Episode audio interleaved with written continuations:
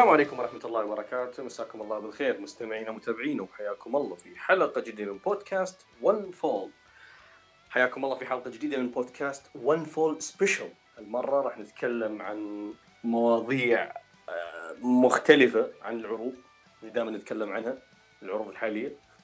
آه، مثل ما عودناكم OneFall Special دائما عندنا مواضيع مختلفة متنوعة تاريخية نقاشية آه، ممكن مثيرة للجدل. إلى اخره من هذه الأمور. آه اليوم موضوع حلقتنا راح يكون مميز أو غير غير غير مسبوق. آه خاصة في OneFall ما قد تكلمنا بهذا الأسلوب في OneFall موضوعنا اليوم عن عائلة ال Von Erich العائلة المصارعة الأسطورية اللي قلما أو خلينا نقول قليل من يذكرها أو آه، يسمع عنها. خاصة بالجيل بالجيل الحالي أو حتى بالجيل اللي راح لأن عائلة غيبت كثير. وإذا في أحد راح يسمع عنها شيء فراح يسمع عنها آه، عن حياتهم الشخصية. ما راح يسمع عن مسيرتهم وليش هم يعتبرون أساطير وليش هم يعتبرون آه، مخلدين في التاريخ حتى رغم قصر آه، مسيرتهم. فراح نتكلم عن كل هذا وأكثر في هذه الحلقة. معاي اليوم آه، زميلي على آه، آه، بالحلقة هذه آه، مشعل. حيا الله مشعل منورنا اليوم. آه الله يحييك. أهلا وسهلا. نتشرف الظهور مرة ثانية. هالسنة دسمة يعني أنا ظهرت واجد. إي مرة أنت. خافي من. ذلي- ذليت المس- المستمعين كل شوي طالع. يقول لك خاف يلوم مني يعني. لا ما شو نسوي؟ عاد. الخبرة إيه. عامل ي- وغير كذا ما شاء الله عليك تبارك الله عندك شغف هالسنة. إيه. كل أنواع الحلقات طلعنا فيها؟ جديد قديم كل من كل الموجود إيه. عروض جديد هذا- قديم ها كل إيه. بس يعني نكرر الظهور إن شاء الله إنه يعني تكون حلقة خفيفة. يعني ما أظن بس إن شاء الله. متى طلع إنه وياك بحلقة خفيفة؟ إيه. ما, ما أتذكر ذكرني ما أتذكر. صحيح. أنا آه آه، بس اليوم حلقة مميزة لأن أنا وياك أول مرة نتكلم عن موضوع ما له علاقة باليابان. إيه صح. اليوم عظيم. موضوعنا راح يكون تاريخي. مو إيه. بس تاريخي تاريخي ما له علاقة باليابان لأول مرة. إيه. إيه أنا أقول لك هذا صح ملاحظة جيدة صراحة. أنا ما ما ف- ظنيت إني راح أطلع بحلقة غير متع- متعلقة باليابان يعني. بس برضه راح نتكلم عن اليابان يعني. إيه بالطريق لازم. ها؟ إيه ما لأن هذه تعرف اللي لا عنصر لابد إنه يكون موجود صحيح. آه، هو أصلا يعني نفس ما ذكرت موضوع الفون اريكس آه، آه، يعني أنا ما زل- ما زلت أشوفه صراحة مثير لأن آه، اترك نفس ما ذكرت أنت المشكلة أن لما الناس تذكر ال Von Erichs تذكر ال- المآسي اللي صارت للعائلة بس آه، قلما تذكر ال- الجانب ال ال ال ال يعني المصارعين ال Von Erichs المصارعين بعيدا عن ال Von Erichs الأشخاص. ال legacy. إي يعني أنت تتكلم يعني أنا من أكثر الأشياء اللي أشوفها مثيرة إن شلون الارتباط مع الجمهور. الجمهور مو مرتبط مع فرد واحد من الفون إريكس مرتبط مع العائلة كاملة جمهور تكساس. يعني حتى اللي طلعوا سيئين كانوا يشجعونهم. هذا شيء غريب يعني كان بال... كنت دائما اشوفه مثير. واستحق النقاش لكن للأسف قلما أحد يناقش هذه الأمور غالبا ما تناقش ال... ال- المآسي اللي صارت للعائله بعد. جميل. طيب إحنا بس نبي نوضح قبل ما ندخل بالكلام و... ونتشعب في سرد آه، موضوع حلقتنا اليوم. آه، بس توضيح. حلقتنا اليوم ما راح نتكلم فيها عن الحياة الشخصية لفونريك أو بمعنى أصح ما راح نتعمق في الحياة الشخصية. إذا حتى يكون الموضوع يعني أوضح يعني.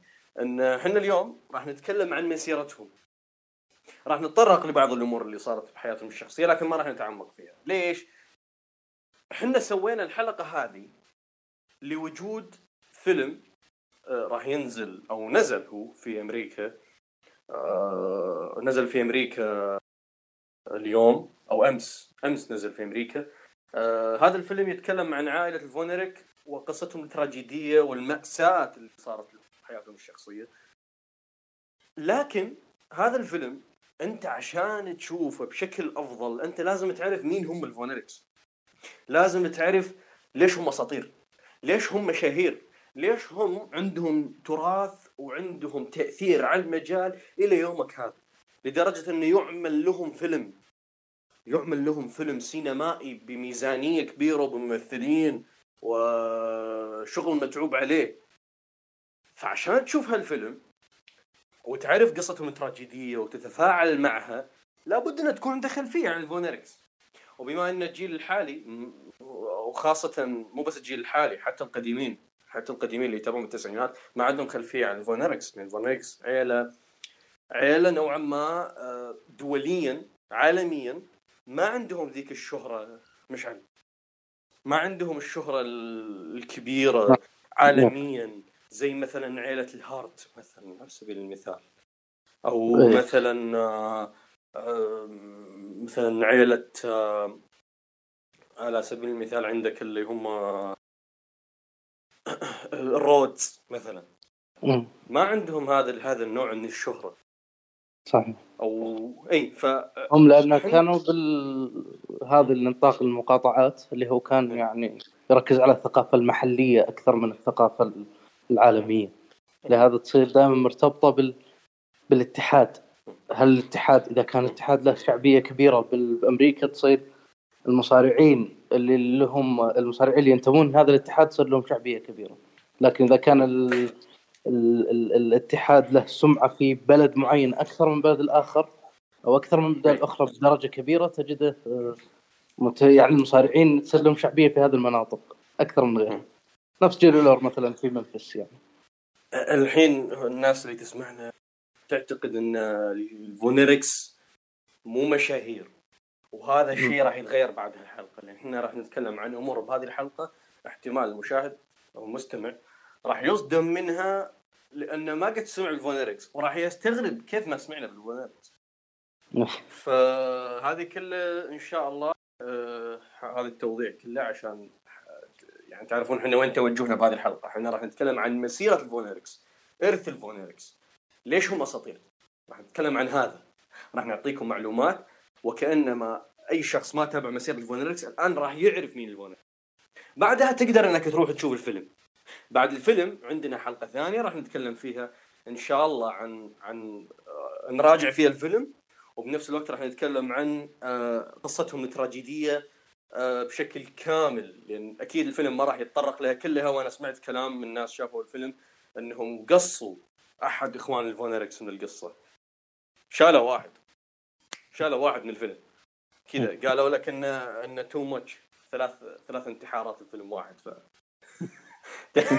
شالوا واحد شالوا واحد إيه. إيه. شالوا واحد يعني قالوا too much ف... اي أنا سمعت الشيء هذا اي فخلاص فإحنا الحلقة الجاية بإذن الله اللي يبي يسمع تفاصيل دقيقة عن مأساة الفونيركس وقصتهم حياتهم المأساوية وشنو اللي صار يروح يشوف الفيلم وبعدها يقدر يشوف حلقتنا راح نتكلم فيها عن الفيلم وعن قصة الفيلم بالتفصيل.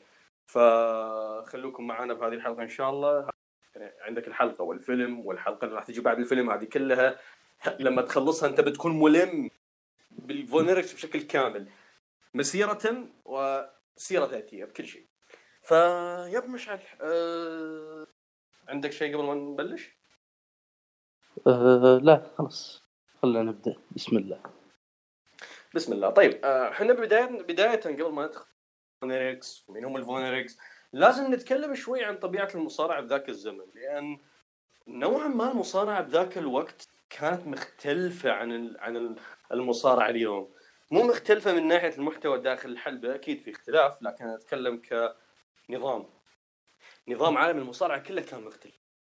تحس عالم المصارعة بذاك الوقت كان عبارة عن آه، مجال ثاني مختلف تماما عن المجال اللي إحنا عليه اليوم.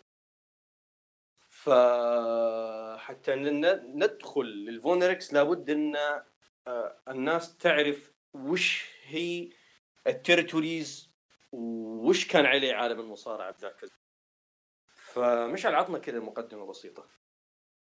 التريتوريز أو المقاطعات كما تسمى هي أن أن تكون لكل منطقة إقليمية اتحاد معين. وهي أشبه كان بالعرف بين الاتحادات المصارعة المختلفة عن على هذه التقاسيم.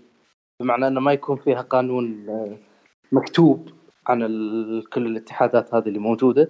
لكن أو التقاسيم هذه لكن في قوانين عرفية بين آه، منتجي الاتحادات أو رؤساء الاتحادات على هذه الأمور. الأمر ما فيه انه يصير كل اتحاد يركز على المنتج المحلي. ال WWE مثلا كانت موجودة أو كانت قبل ال WWWF كانت موجودة في نيويورك مثلا. أه اللي نتكلم عنه مثلا WCW كان موجود في تكساس. أه وغيرها من الاتحادات كل اتحاد يكون متمركز في أه مكان معين. يعني ال AWA مثلا في مينيسوتا أو غيرها. من فتكون في كل اتحاد أه كل اتحاد له منطقة معينة يكون كل الإنتاج والتلفزيون وغيرها تكون مركزة على هذه المنطقة الإقليمية. هذا هو اللي يخلي ال... ال... الواقع وقتها كان إنه محلي أكثر. بمعنى إن منتج المصارعة يتوافق مع الجمهور البلد المعين التي تذاع فيه اللي يذاع فيه الاتحاد هو اللي اللي يبث فيه الاتحاد.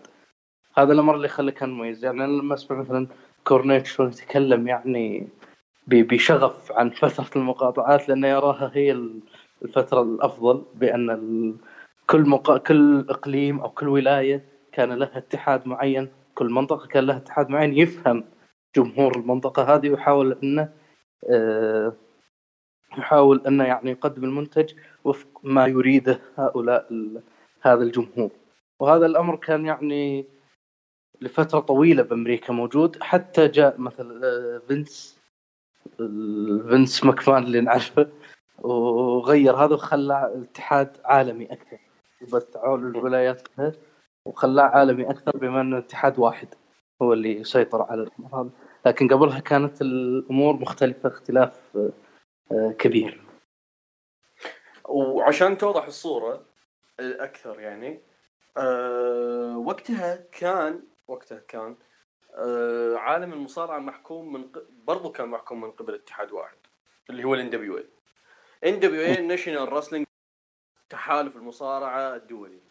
آه كان أكبر من اتحاد كان عبارة عن منظمة منظمة تحكم عالم المصارعة وتحتها مجموعة اتحادات. تقريبا 90% 95% من اتحادات عالم المصارعة كانت تحت مظله الان دبليو اي والان دبليو كانت تسن القوانين في عالم المصارعة بذاك الوقت. آه، كانت آه، يعني حتى كان في مجلس إدارة في NWA هذا المجلس الإدارة حتى يحدد مين يترأس هذا الاتحاد. وكان وكان كان في طبعا أكيد آه، تترأس هذا الاتحاد. طبعا هو يكون مالك هو في مالك وفي في واحد يكون promoter يعني في owner وفي promoter ال owner اللي هو المالك يدفع فلوس يشتري الاتحاد. وفي promoter promoter هذا شغلة رئيس على الاتحاد مروج. آه يقيم النزالات يوقع مع المصارعين. آه له أدوار كتابية لكن في تحته booker bookers يعني. ممكن هو يكون نفس البوكر هو ال promoter. يعني آه بنفس الوقت NWA حطت قانون. أن لكل اتحاد منطقة معينة يقيم عروضه فيها ما يطلع منها. يشذ عن هذا عروض مشتركة. في عروض مشتركة تصير مرات بين ال territories فتقام بعض العروض في أماكن ثانية غير ال territory اللي أنت فيها. وهذا يكون بتنسيق مع ال NWA نفسه. ما يكون أنت من راسك تطلع وتسوي عروض باتحاد ثاني. لأن ال NWA وقتها راح تسحب منك تسحب منك خلينا نقول آه، دعمه لك. كونها منظمة الحاكمة في عالم المصارعة. آه، بنفس الوقت آه، خلينا نقول إن حتى أنت إذا طلعت من هذه المدينة وحطيت عرضك في مدينة ثانية ما حد ما راح ما راح ينجح العرض لأن الجمهور هذا لأن الجمهور هذا ما يعرف شيء عنك ولا شاف شيء لك ولا يعرف مصارعينك بالغالب ما يعرفون لأن آه، عروض الاتحادات كانت تبث في داخل الولاية نفسها. يعني كان في قنوات معينة لكل اتحاد هذه القنوات تبث العرض في داخل الولاية. يعني ممكن ممكن شخص إذا من خارج الولاية ممكن ما راح يقدر يشوف ما راح يقدر يشوف مثلا خلينا نقول الدبي دبي كانت كانت تقيم عروضها في آه، نيويورك شمال أمريكا وكندا فقط. هذا كان المنطقة المحددة لهم. آه، ممكن لو شخص من جورجيا أو من تكساس ما راح يقدر يشوف عروض الدبي دبي احتمال في مرات بعض تشذ عن هذا بعض بعض الحالات. لكن أنا أتكلم بشكل عام ما يعرفون مصارعين الدبي دبي ما يعرفون آه آه الاتحاد نفسه. فلما يجي الاتحاد يقيم عروضه في أماكن ثانية آه ما راح ينجح العرض لأنه ش... لأنه في اتحاد في نفس المنطقة شعبيته كبيرة جدا ومسيطر على المنطقة هذه. فكان في مقاطعات وكل مقاطعه يحكمها اتحاد بنفس الوقت خليني أوضح شغلة ثانية. في بعض الولايات كان كانت في مقاطعات أصغر مصغرة. يعني مثلا تكساس تكساس ما كانت مقاطعة واحدة مشعل كان فيها أكثر من مقاطعة داخل تكساس. في دالاس فيه هيوستن. فيه فيه يعني سان انطونيو هذه كلها ترى كانت كلها مقاطعات في داخل تكساس. يعني تكساس ما كانت كلها مقاطعة واحدة لا كان في دالاس كان في هيوستن كان في هيوستن wrestling. اتحاد هيوستن wrestling. كان في اتحاد في دالاس كان في اتحاد في سان أنطونيو وبقي وبقية ال... وبقية الولايات نفس الشيء. في ولايات لا تحكم من قبل اتحاد واحد وفي لا. في عدة اتحادات في عدة مناطق في داخل الحجم حجم الولاية يؤخذ بالاعتبار تكساس كبيرة من أكبر الولايات إذا كانت الأكبر الظاهر ب... بأمريكا. لكن حتى بالولايات الكبيرة هذه يصير في اتحاد غالب على آه، الاتحادات الأخرى. داخل الولاية نفسها. يعني بمعنى إنه يصير إنه سكان هيوستن مثلا أو سان أنطونيو يعرفون مثلا اللي موجودين مثلا اللي كانت WCCW اللي كانت هي موجودة في دالاس يعني هم يعرفون هم يعرفون شعبية المصارعين هذه. أكثر مثلا اللي يكون موجودين في كندا. ممكن هذا يقل شوي الاهتمام. يعني هذا المقصد إنه يصير في الولاية تأخذ على حسب الحجم. والموضوع الثاني ممكن اللي يعني أزيده ممكن عليك هي موضوع الأسلوب. أسلوب المصارعة يختلف من من مقاطعة إلى أخرى على حسب في شغلة ثانية آه، غير الأسلوب. طبعا هو مو بس الأسلوب هو حتى المحتوى بشكل عام يفرق من ولاية من من مقاطعه لمقاطعه حسب ذوق جمهور هذه الولاية.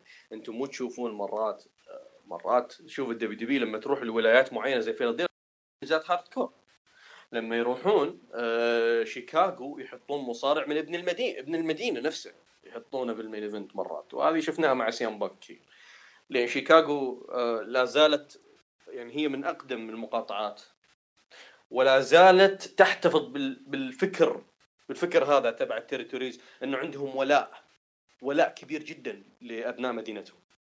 عندهم هذا الفكر لا زال موجود إلى الآن. بشكل أبسط أكيد بشكل أقل لكن موجود. أه فتشوفون ال WWE لما تروح الولايه معينة تغير محتواها. نفس الشيء نفس الشيء أه في ذاك الوقت إن كل ولاية كانت تقدم محتوى مختلف عن الولاية الثانية أو المقاطعة الثانية حسب ذائقة الجمهور ذوق الجمهور. لأن حتى لو تشوفون وهذه يعني قصة يمكن اللي يسمع بودكاستات يعرفها جيم كورنيت مرة من المرات كان يتكلم يقول أنا آه، كنت أتابع عروض ال WWE تابعت عرض ال WWE بفتره فينس الاب يعني أيام كانت WWE مقاطعة ما كانت اتحاد مستقل. آه، يقول أنا ما يقول يقول ما استمتعت. تابعت العرض كامل بس ما استمتعت في آه، العرض. لأن جيم كورنيت كان من حقين الولايات الجنوبية نورث كارولاينا وجورجيا وهذه الأشياء. هو كان يميل للمحتوى هذا. اي اي كان يميل لهذه المحتوى الاتحادات الولايات الجنوبية. بينما دبي دبي كانت ولاية شمالية ومحتواها مختلف عن الولايات الجنوبية. حتى من ناحية الشخصيات من ناحية أسلوب المباريات من ناحية العداوات. لأنه حتى وقتها آه، وقتها كان آه، آه، يعني حتى الشخصيات تختلف. حتى ال ال نوعية إن الجمهور الجمهور يحب شنو بال babyface؟ يعني مثلا ال babyface أنت تحبه عشان إيش؟ تصرف معين. هذا التصرف يختلف من ولاية لولاية. يعني مثلا في في بعض الولايات لما ال face يغش يحبونه. في بعض الولايات لما ال face يغش يكرهونه. وهكذا. يعني كان المحتوى مختلف حسب الاتحاد وحسب ذائقة الجمهور. فكان السوق متنوع. يعني خلينا نقول كان في تنوع كبير جدا بالمصارعة في أمريكا. طبعا إحنا تكلمنا في أمريكا لكن في باقي الدول نفس الشيء لأنه ال NWA كانت تغطي كانت تغطي باقي الدول برضو نفس الشيء. يعني مثلا هاواي هاواي كان عندهم NWA هاواي. آه كان فيه NWA أستراليا. كان فيه NWA بال UK. كان في NWA في كل مكان بالعالم. غير هذا حتى في اليابان كان عندهم آه آه اتحاد واحد بالبداية بعدين صاروا اتحادين بعدين صاروا ثلاثة. وهذول آه، في يعني في اتحاد في اتحاد واحد منهم كان مدعوم من قبل ان دبليو اي فان دبليو اي كانت مسيطره على العالم. وإمبراطورية مثل هذه آه، ممكن المستمع يستغرب إن كيف فينس قدر يسقطها. يعني إمبراطورية بهذا النظام أن ان أنت حتى لو خرقت قانونهم وأقمت عرضك في مكان ثاني ما راح تنجح ما راح تنجح بهذا الشيء الحين بس كلامك بس خليني أسألك سؤال الآن. ال NWA بحسب ما ذكرت أنت إنها كانت هي تحكم العالم المصارعة وقتها.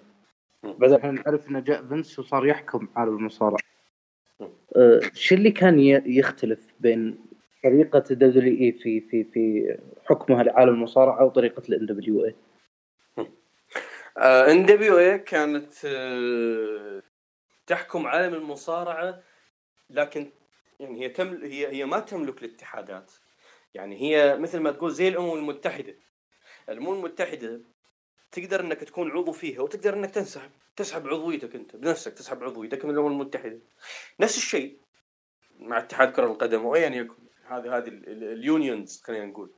ال- التجمعات هذه. إيه. ال NWA كانت نفس الشيء. ال NWA ما تملك الاتحادات. لكن لكن الاتحاد إذا يبغى ينجح لازم يكون تحت مظلة ال NWA لأن هي الاتحاد ال- اللي اللي يترأس عالم المصارعة. وطبعا هذه لها قصة كبيرة إنه كيف وصلوا للسلطة وهذا هذا كلام ما نبي نتطرق له يعني إيه. مش طويل بس ال NWA كانت تدعم يعني الاتحادات المحلية بالفلوس بالانتاج وبغيرها مو بس مو بس بالفلوس. تعطيهم فلوس بس شنو الموضوع اللي يصير؟ اللي يصير اللي يصير إنه في النهاية في النهاية لهم نصيب. ال NWA الاتحاد اللي ما يسوي اللي ما يجيب أرباح الاتحاد اللي ما يجيب أرباح تكون عليه عقوبات. إما يتم طرده. إيه. يتم طرده من عضويته من ال NWA يطرد. أو. يعاقب بأنه بطل NWA ما عاد يجي. لهذه لهذا المقاطعة لأنه هذه نقطة نسيت أذكرها إن بطل NWA كان يفر الولايات كلها يفر العالم كله يروح أستراليا يروح اليابان يروح هاواي يروح الولايات الأمريكية كلها يعني بطل ال NWA هو الاستثناء اللي يقدر يروح لأي territory يبغاه بطلب من الان دبليو طبعا الان دبليو هي ترسله تقول له روح دافع عن اللقب في المقاطعة الفلانية. وطبعا هذا لما المقاطعة لما ي... لما يجيها بطل ال NWA يحتفون فيه احتفاء. يحت... ليش؟ لأنه هذا بيجيب لهم فلوس. هذا بطل العالم. يعني فعلا. فعلا وقتها لما تشوف بطل العالم في ال NWA تحس فعلا بطل عالم. ليش؟ لأنه يفر العالم كله. وبطل عالم واحد في العالم كله. يعني تخيل في العالم كله بطل عالم واحد. هذا هذا زمان طبعا. بعدين في اتحادات طلعت. من مظله ال NWA وصارت لحالها صارت لحالها مستقلة فالبطل ال NWA ما عاد يجي. هذه من النقاط هذه من النقاط الم- بطل ال NWA يدافع عن اللقب في كل ال territory هذا مو معناته نعم. إنه ال territories هذه ما عندها. لا. هذه ال territories أو المقاطعات لهم ألقابهم الخاصة. لهم لقب الاتحاد لهم لقب mid card لهم لقب tag team ممكن لهم لقب نساء إذا كان عندهم فئة نساء. نعم. بس لكن- لقب العالم هو مخصص لل NWA بالضبط. ما في لقب عالم في ما في لقب عالم في ال في ال territories إلا لقب ال NWA فقط يعني هو اللقب العالمي الوحيد الموجود في ال territory هذا اللي نتكلم عنه ال territories اللي تحت مظله ال NWA الآن نتكلم عن ال territories اللي طلعت. أحد ال territories اللي طلعت اللي هو AWA اللي هو الاتحاد اللي يترأسه Verne Gagne إيه. آه، Verne Gagne لما طلع من NWA سوى لقب استحدث لقب لأنه هو كان موجود هذا اللقب من قبل لقب ال AWA العالم الوزن الثقيل كان موجود من قبل في ولاية ولاية آه، أتوقع أوهايو أتوقع أوهايو. إما أوهايو أي سنسناتي أوهايو اي آه، أوهايو. كان في أوهايو واستحدث هذا اللقب. آه، يعني سوى له كذا زي ما تقول سوى له repackage وسوى له شيء يعني reboot فاللقب هذا استحدثه وصار لقب عالمي معترف فيه. شلون معترف فيه؟ هو إن ال- الجهات المعنية إما ال NWA أو المجلات وجرائد على اللي مختصه بمجال المصارعة، باقي الاتحادات المستقلة تعترف في هذا اللقب إنه لقب عالمي. لقب ال AWA تم الاعتراف فيه كلقب عالمي من قبل بعض اتحادات اليابان، من قبل ال NWA وأنا ما أدري كيف Verne Gagne قدر يقنعهم آه لأنه طلع من تحت سقفهم NWA ما كانت تعترف بأحد. آه برضو بي دبليو اي مجلة بي دبليو اي اللي الآن الناس تسمع فيها إنه إنه مين عطى رخصة لهذه المجلة إنها تقيم المصارعين وتسوي top تسوي top 10 و top 100 و... وتنزل قوائم وال WWE تعترف بهذه المجلة. ال WWE صحيح. تعترف بهذه المجلة. المجلة أقدم أقدم من ال WWE مجله موجودة من زمان. ومجلة هذه تعطي شهادات للاتحادات إنه لقبك هذا معترف فيه. كلقب عالمي. كلقب- واضح إنها أي. قديمة يعني. المعايير اللي تبني عليها الأسس مثلا أفضل مصارعين أفضل اتحادات إيه. هي معايير قديمة شوي. يعني جداً. احسها فعلا آه، عريقة يعني. قبل لا إيه. قبل لا تنكشف الأمور تصير ال ال ال ال الأمور واضحة يعني للجمهور. وطبعا هذه المجله فيها عدة أشخاص. يعني مو شخص واحد هو اللي يحكم هو في في مجموعة نقاد هم يتكلمون عن هذا يعني إيه. آه زي ما تقول إن صحفيين ونقاد وهذا. هم اللي آه خلينا نقول آه مسؤولين يتخذون القرارات حسب التصويت يعني. في النهاية فالآن نرجع آه مثلا عندك الدبي دبي لقب الدبي دبي العالمي الوزن الثقيل اللقب الموجود الآن عندنا في ال WWE اللي شايله رومان رينز. آه هذا اللقب تأسس بعد خلاف صار بين فينس الأب فينس مكمان الأب وبين الان دبليو اي الان دبليو اي ما كانت تبي تعطي لقب لقبهم العالمي لقب ال NWA لبودي روجرز.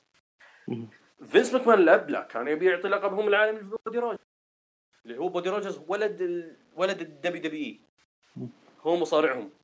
وهذا. بالمناسبة نسيت أذكرها. آه كل الاتحادات كانت تتمنى إن ب... إن مصارعهم اللي من ال territory. تبعهم إنه ياخذ لقب عالم من NWA لأن هذا بيكون شيء هذا بيكون بطل العالم هذا بيكون فوق كل ال territories هذه وهذا يأثر على العلاقات أصلا. نفس ما ذكرت موضوع علاقة الاتحاد المحلي مع ال NWA نفسها. yep.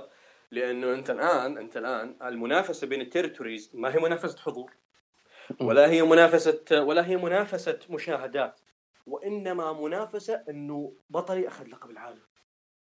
إن المصارع اللي هو يحكمك أنت يا territory يعني مثلا أنت بالجنوب حقين الجنوب ما يرضون إن بطل عالمي يحكمهم هو واحد من الشمال.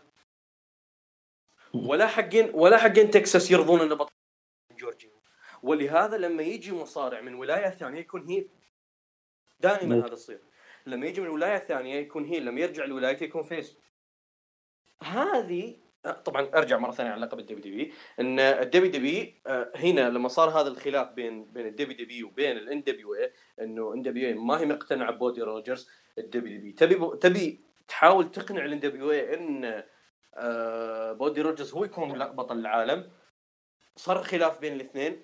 فينس ماكمان الأب طلع من عضوية ال NWA هذه أول مرة لأن هو طلع بالمرة الأولى بعدين رجع بعدها بكم سنة. آه، في الستينات طلع. سنة 63 طلع من عضوية ال NWA وسوى لقب WW العالمي للوزن الثقيل وأعطاه لبودي روجرز اللي فعلا آه، صدق ال NWA إنه في النهاية ما كان ما كان ما كان جاهز. ومو كان جاهز إنه ما ما يستحق انه يأخذ اللقب لأنه تخاذل وفي النهاية يعني سحبوا من اللقب.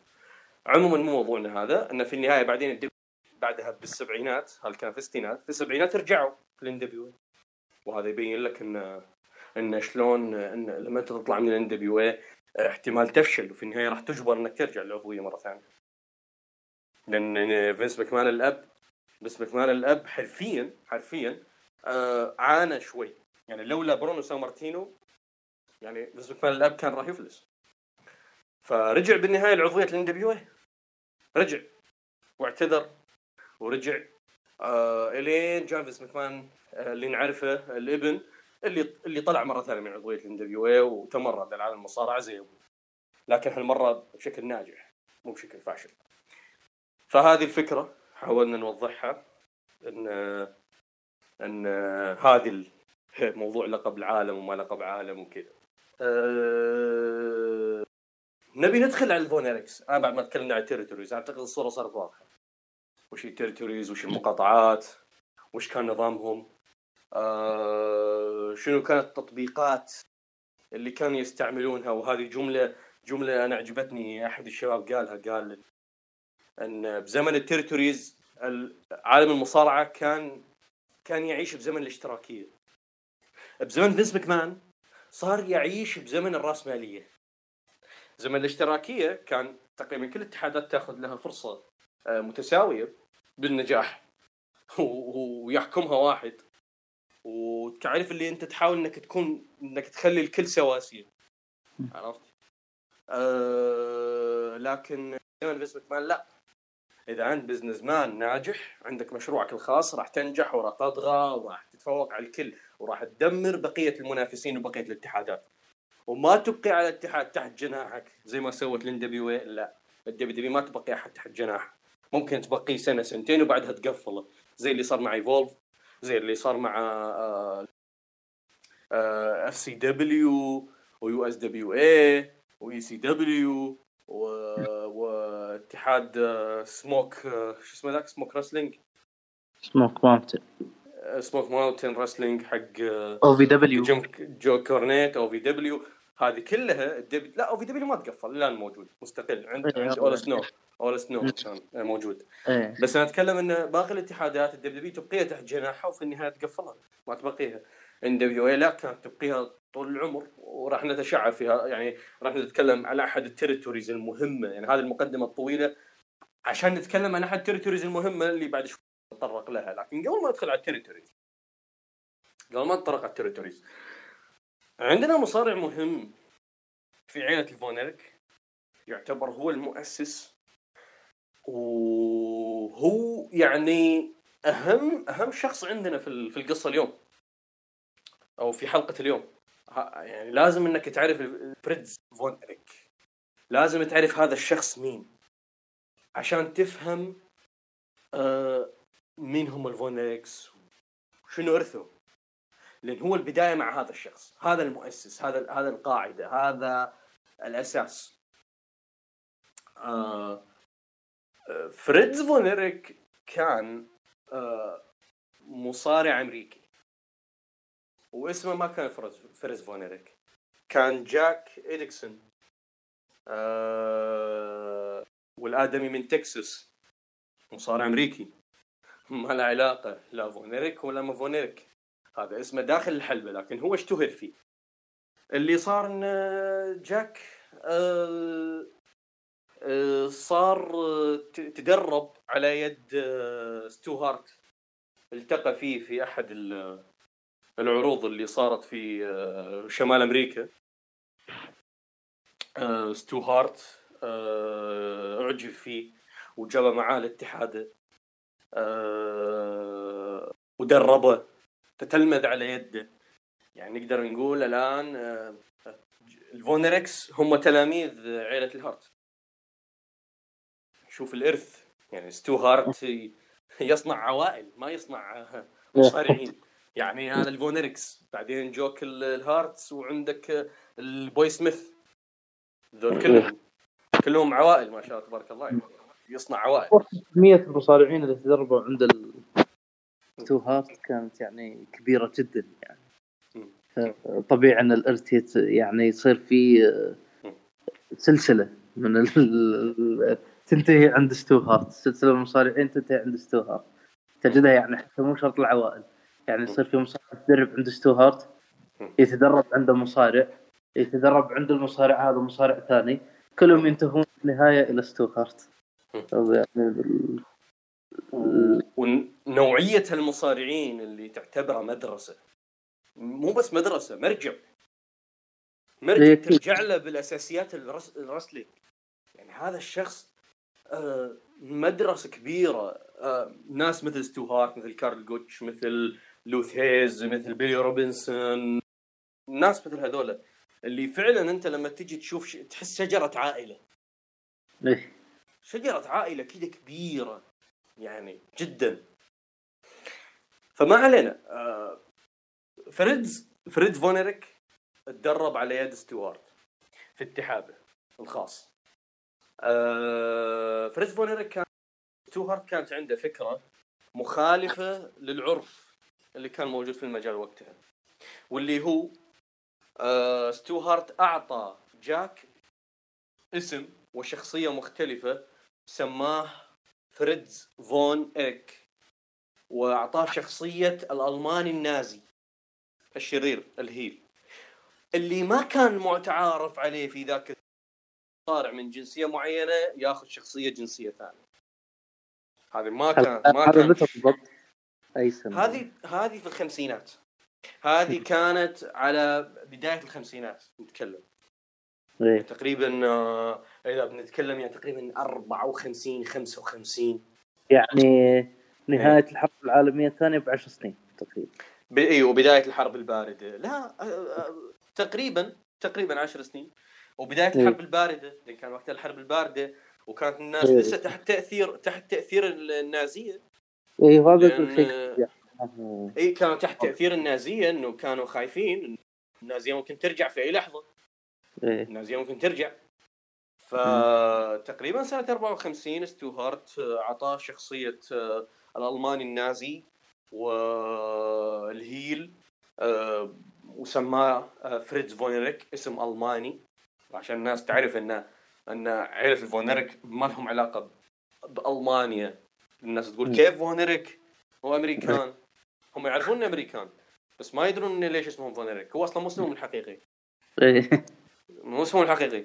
لأن هم أصلا ما لهم علاقة بألمانيا ولا عرق ألماني. هم من تكساس م. تكساس تكساس نصها لاتينيين. إيه. عروقهم لا لاتينيه بس في في البيض يعني في بيض في بيض لكن آه، يعني. نص تكساس نص تكساس تكساس كانت كانت ضمن المكسيك أصلا. اي كانت، هي آه، على الحدود إيه. مع المكسيك إيه. بس أنت تعرف آه، أيام الحرب الأهلية اي آه، كانوا الأمريكان موجودين وين؟ بال... بالولايات الجنوبية اللي كانت تكساس يعني هي أشبه بال... بالمحور وقتها هناك.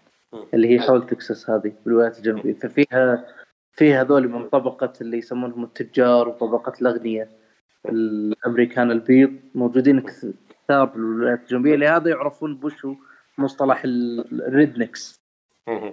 ال rednecks هذا منتشر هناك في هذيك الولايات ممكن تكساس نفس ما ذكرت أكثر من غيرها إنه عنده احتكاك مع المكسيك فصار فيه كثير من يعني مثلا إيدي جيريرو عائلة إيدي جيريرو هذول كلهم. كانوا بإل باسو تكساس أي. لكن آه، برضو فيها يعني من ال southerners هذول يسمونهم ال rednecks يعني اللي هم صاروا. مزارعين التجار ال- المزارعين أو الأغنياء يسميهم مهم. موجودين كثار في الولايات اي الأرستقراطيين كانوا. اي اي ففون إيريك آه، شخصية مو اسم حقيقي. يعني هم أمريكان ابا عن جد من تكساس. ففريتز فون إيريك آه، ستو هارت آه، ما اكتفى بهذا الشيء. جاب مصارع ثاني. مصارع ثاني. هذا المصارع عطاه شخصية عطاه شخصية والدو فون إيريك أخ أخ ل آه، فريتز فون إيريك وهذا أخ كان غير شقيق. يعني هو أصلا أخ مجرد بالسيناريو مثل ما نشوف بين كين وتيكر كين وتيكر مو إخوان. وصاروا إخوان بالسيناريو. أه صاحبنا هذا اللي هو والدو فون إيريك والدو فونيريك هو أصلا اسمه الحقيقي مش والدو. اسمه الحقيقي والتر. لو ما تدري يعني. آه، يعني شيء هذا. نفس موضوع آه، إيه. كندي الظاهر كان ما كان له علاقة طبعا هو لا كندي. آه، إيه. هو ك- هو كندي بس آه، قد يكون له أصول ألمانية لأن اسمه يعني ترى إيه، ممكن. والتر والتر ألماني اسم شوي ها يعني نوعا ما يعني ممكن عنده عروق ألمانية وهو اللي يعني استل استلهم منه فكرة ال- إن أنا بسوي شخصية الألماني النازي وأعمل هذول الاثنين إخوان ففريدز فونريك ووالدو فونريك.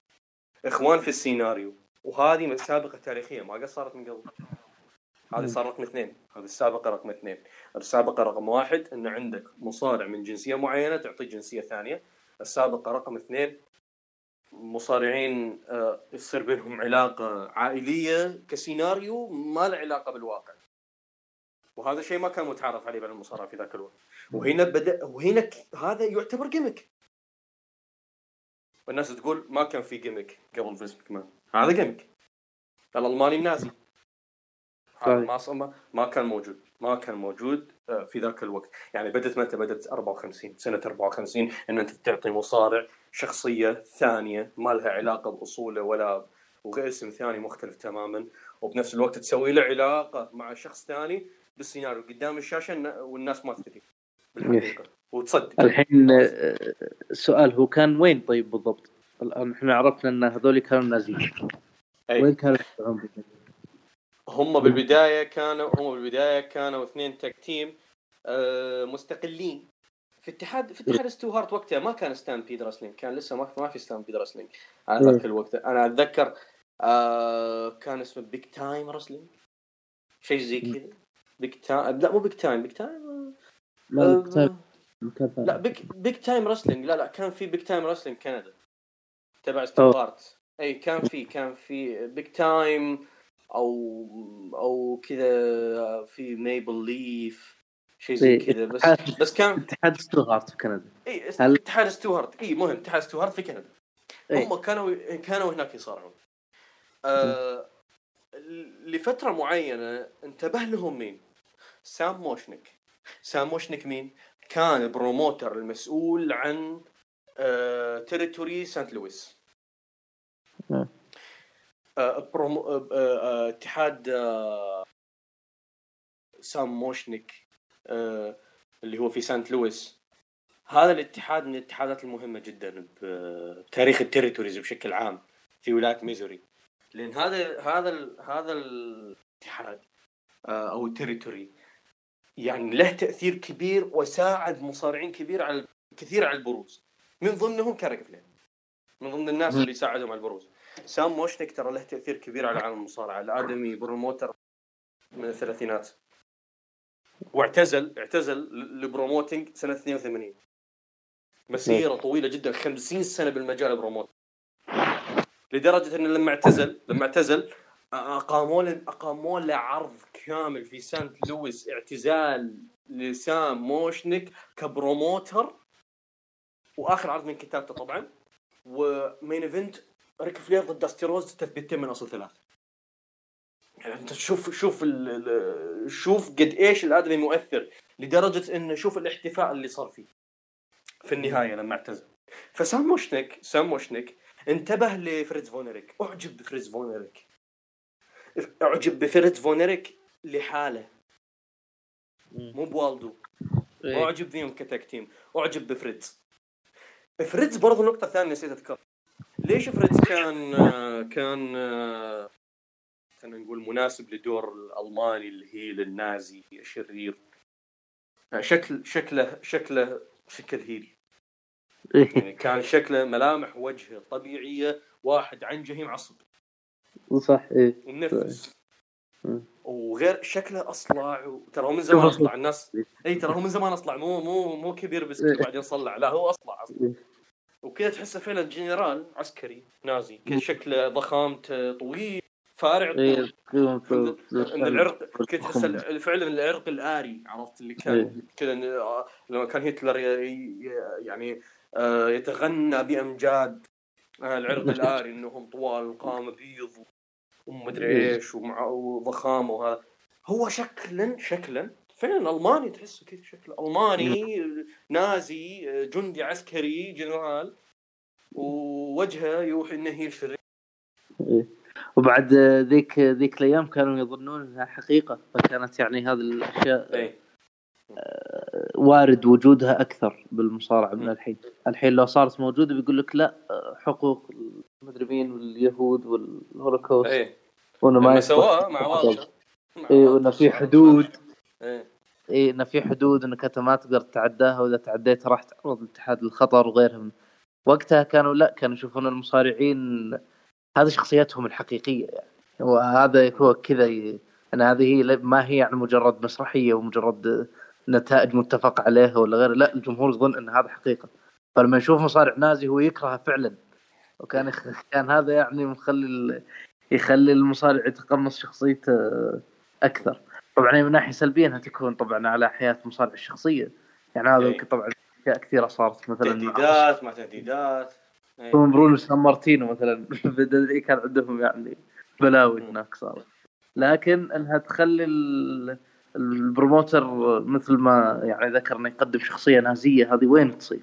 بس لانها لأن لأنها يعتقدون حقيقة فما ما في موضوع الحدود هذه والخطوط الحمراء اللي يصير الاتحاد ملزوم فيها. جميل طيب الآن آه خليني أذكر بشكل سريع إن فريدز فونريك بعد النجاحات هذه اللي صارت له آه أنت الحين ذكرت إنه اهتم في سام هذا واشنك موشنك متى. هالكلام؟ متى هالكلام هذا؟ الكلام برضو بالخمسينات لسه إحنا ما طلعنا من الخمسينات. بداية الس... بداية بداية ال- الستينات بداية الستينات صارت حادثة في اليابان. الناس اللي ما تعرف كيف تاسست المصارعة اليابانية كان في مصارع اسمه دوزن ريكي دوزن هذا كان مؤسس المصارعة اليابانية و يعني كان big draw big draw big draw يعني فعليا جاب مشاهدات المصارعة جاب حضور تاريخي جاب سوى ثورة باليابان.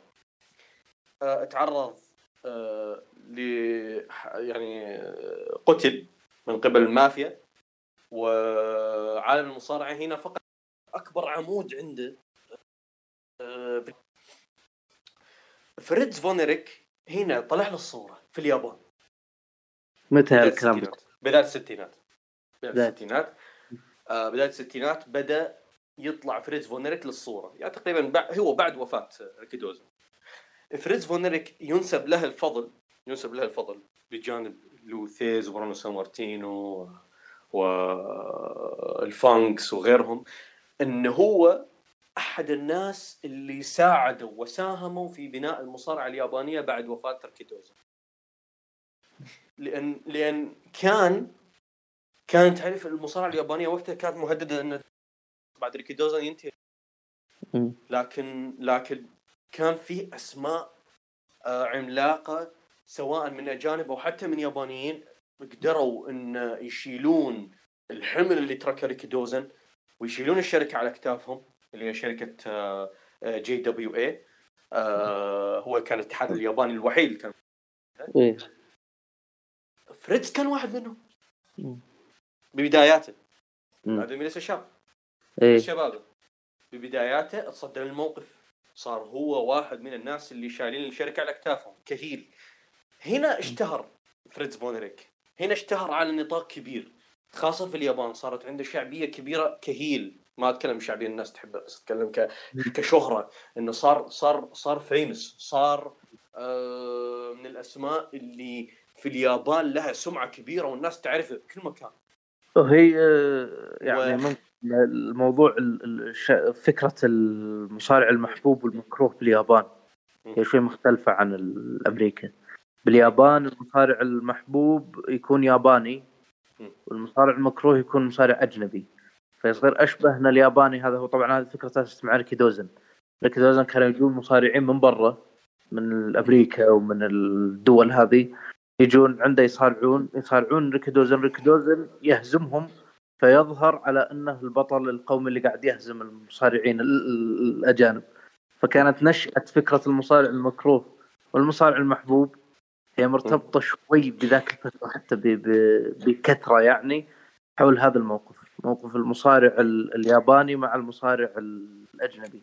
طبعا في في أمور أخرى لكن هذه هي الفكرة الأساسية اللي تكون موجودة في بالمصارعة وقتها آه، انذاك وهذا اللي خلى مثلا مصارع مثل فريتز فون إريك بشخصيته هذه وبال بنمط الشخصية اللي قدمه بوجهه وبشكله وبضخامته وبطوله يكون شخصيته. يعني مصارع مكروه مثالي لل- للجمهور الياباني. هو كشخصيه كشخصية برضو من من الذكاء إن أنت جايب هو مصارع. شخصيته انه ألماني نازي وفي اليابان اللي صارت مستعمرة أمريكية في ذاك الوقت. الجمهور الجمهور الياباني صار يكره النازية لأن النازية ورطت ورطتهم. بالحرب. يعني أي. لولا النازية ال- اليابان ما تدخل الحرب. فصار اليابان الشعب الياباني صار تائب. إن إن إحنا لا إن إحنا نرفض النازية. إحنا ضد النازية. أول عداوة وأول مباراة فريدز فونريك في اليابان ضد جاينت بابا على لقب ال NWA الدولي ال international اللي هو كان وقتها أكبر لقب في الاتحاد. هذا أي سنة؟ هذه سنة 66 إيه. هذه أول مباراة. تخيل أول مباراة مباراة فردية على طول. مباشرة ما في تكتير ما في ما في ت- بدون مقدمات أنت عملت عداوة. بين أكثر مصارع baby face في الاتحاد اللي هو جاينت بابا اللي هو بعد ريكي دوزن كان تلميذ ريكي دوزن لأنه هو كان هو وقتها الواجهة.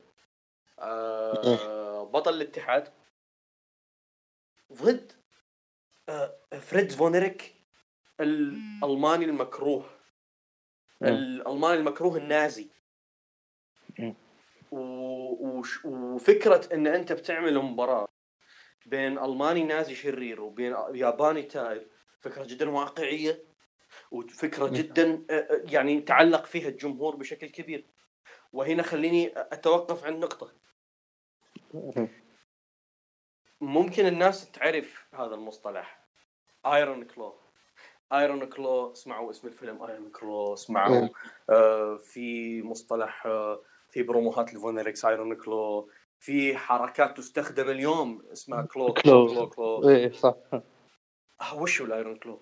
ال iron claw حركة اشتهر فيها فريز فونريك في اليابان بالأخص وخصوصا من هذه العداوة إيه.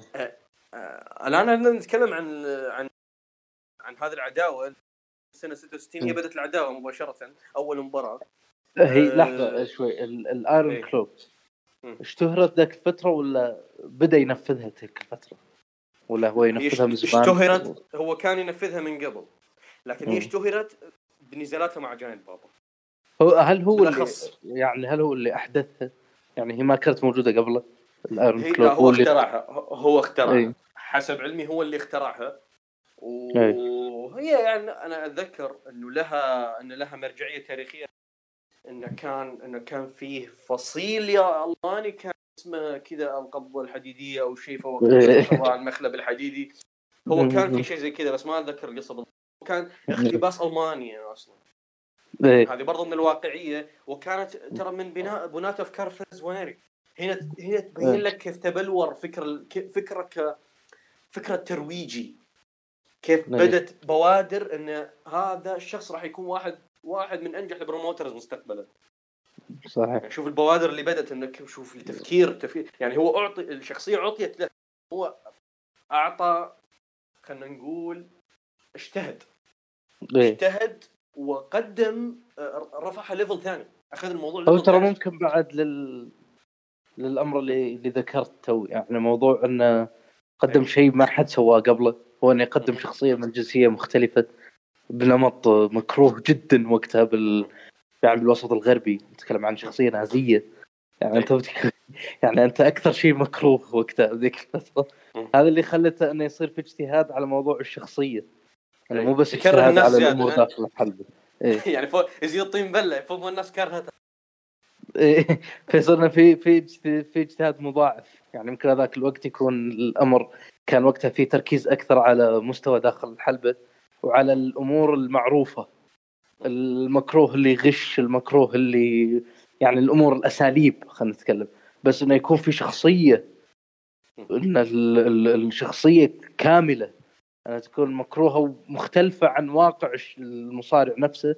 هي ممكن إيه. تخليه عنده تجربة مختلفة وهذه خلتها ممكن أثرت عليه بعدين في وجود آه، ايجابا طبعا بعدها لما صار آه، ال promoter المعروف يعني. آه طبعا هي أول مباراة كانت غير مت... ما نقدر اللي هي مباراة جاينت بابا ضد فريز فون ايريك آه اللي هي كانت الأولى آه اللي كانت في نوفمبر في أوساكا. ما نقدر نوصل لها للأسف الشديد. المباراة فاز فيها جاينت بابا كيف فاز؟ ما نعرف.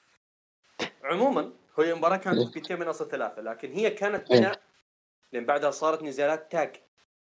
تجمع بابا تجمع بابا تجمع فريدز فونيريك وفينس آه، فريدز فونيريك وقتها اتحد مع مصارع اسمه طرزان زورو. ولا تقول لي شلون طرزان وشلون زورو. يعني ما ما في. ربط. ما في ربط يعني ما يعني ما أدري هذا شنو هذا المهم ما علينا.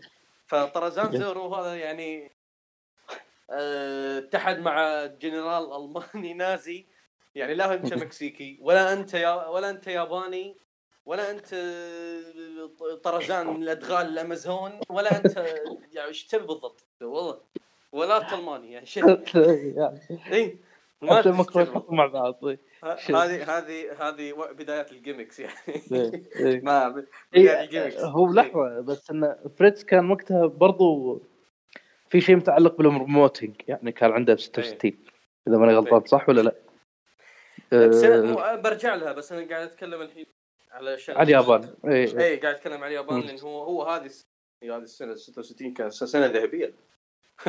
فريتز سنة ذهبية يعني أحداث أحداث أحداث كثيرة صارت لفريتز آه سنة آه، 66 إيه. ف نرجع لطرزان زورو الحين. طر- طرزان زورو.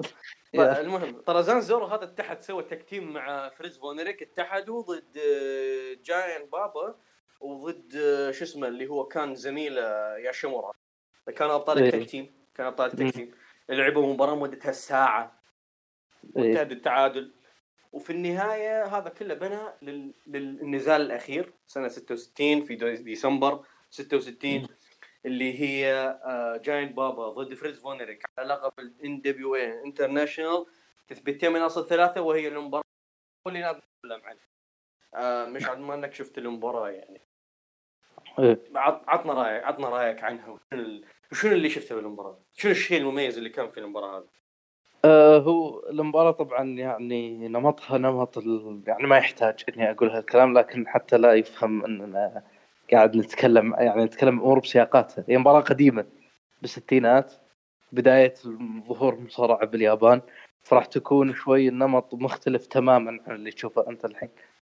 آه لكن المميز في المباراة صراحة أنا أكثر شيء يميز فريتز فون إريك لما أشوف مباريات ذاك الوقت هو استخدام هذه ال iron claw يعني يستخدمها يح- يحاول ينهي فيها المباريات يستخدمها مفتاح للهجوم أو للسيطرة على خصمه وهذه كلها تخلي الاستخدام هذا مهم ليش؟ لأنها تعطي فرصة إن إذا المصارع اللي ضده اللي هو غالبا يكون المحبوب طبعا إن إذا فك فك ال ال الكلوب تكون لحظة مهمة وإذا رجع. بالمباراة هي لحظة مهمة وإذا نفذ وإذا هو طبقت عليه. الكلوب تكون لحظة مهمة إيه. وهذا يخلي المباراة مليئة باللحظات ال- المهمة والمؤثرة. يعني ما هي مهمة بس لمجرد ال ال ال ال ال ال يعني التفاعل أو الجذب التفاعل. لأن قبل كان شوي فيه اهتمام بالواقع مو شوي والله كثير. اهتمام بالواقعية أكثر من اللي موجود حاليا.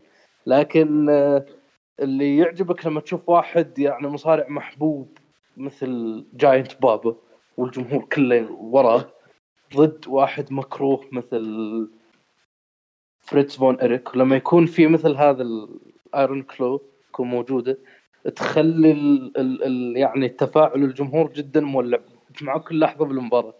يعجبني العنف تحسه عنيف دائما حتى في حركات فريتز فون إريك. طبعا هذه مبارياتها عموما يعني لكن في المباريات هذه خاصة لأنها تكون مباريات مهمة. شلون عنيف وشلون لما المصارع دائما يرجع ضده تكون لحظة مهمة. وهذا دوره يعني دور المكروه عنده قوي وهذا طبعا لا يقلل من قيمة دور بابف كمصارع أو باب المصارع المحبوب يعني اللي الجمهور ينتظر يترقب آه، عودته. المباراة حلوة يعني حتى الرتم الرتم ما كان بطيء والمباراه أصلا حتى ما كانت طويلة أه، وكانت يعني ممتعة صراحة. للي بي للي للي يعرف السياق اللي كانت موجودة فيه راح يستمتع فيها. أما بتشوفها بعقلية 2023 أنت قاعد لا تشوفها أحسن إيه أنا أنا أكثر شيء آه، كلام تخيل المباراة كاملة هي ما فريتز ما استخدم فيها إلا حركة واحدة ممكن ممكن حركة ثانية استخدمها إي يعني شوي لكمات وركلات و... إيه. لا هذه strikes strikes خلها على جنب يعني إيه. ك move ك move يعني سوى splash على الأرض وهذه هذه كان كان يبي يفنش فيها. وهذه نقطة حلوة. آه المباراة الجمهور ليش الجمهور كيف تفاعل؟ آه مع انه مع انه مع انه هو صار له في اليابان شهر بس. إيه. شلون قدروا شلون قدروا يبنون هالشعبيه هذه؟ هذا الفينش ترى إيه. هذا شيء ترى آه، آه، أنا أعتقد وهي المشكلة إن النزالات السابقة دارك ماتش. ما تقدر توصل لها بس أنا أعتقد والله أعلم إن في النزالات السابقة آه، لأن هي تثبيتين من اصل ثلاثة أتوقع أخذ فول على بابا واحد. بال splash إيه. هذه والجمهور خلاص شافها حركة خطيرة. بجانب ال iron claw انت انت إيه. انت أصلا لما تشوف المباراة تعرف كيف ال iron مشهوره لأن شوف انت كم مرة كم طول المباراة ما في إلا هي.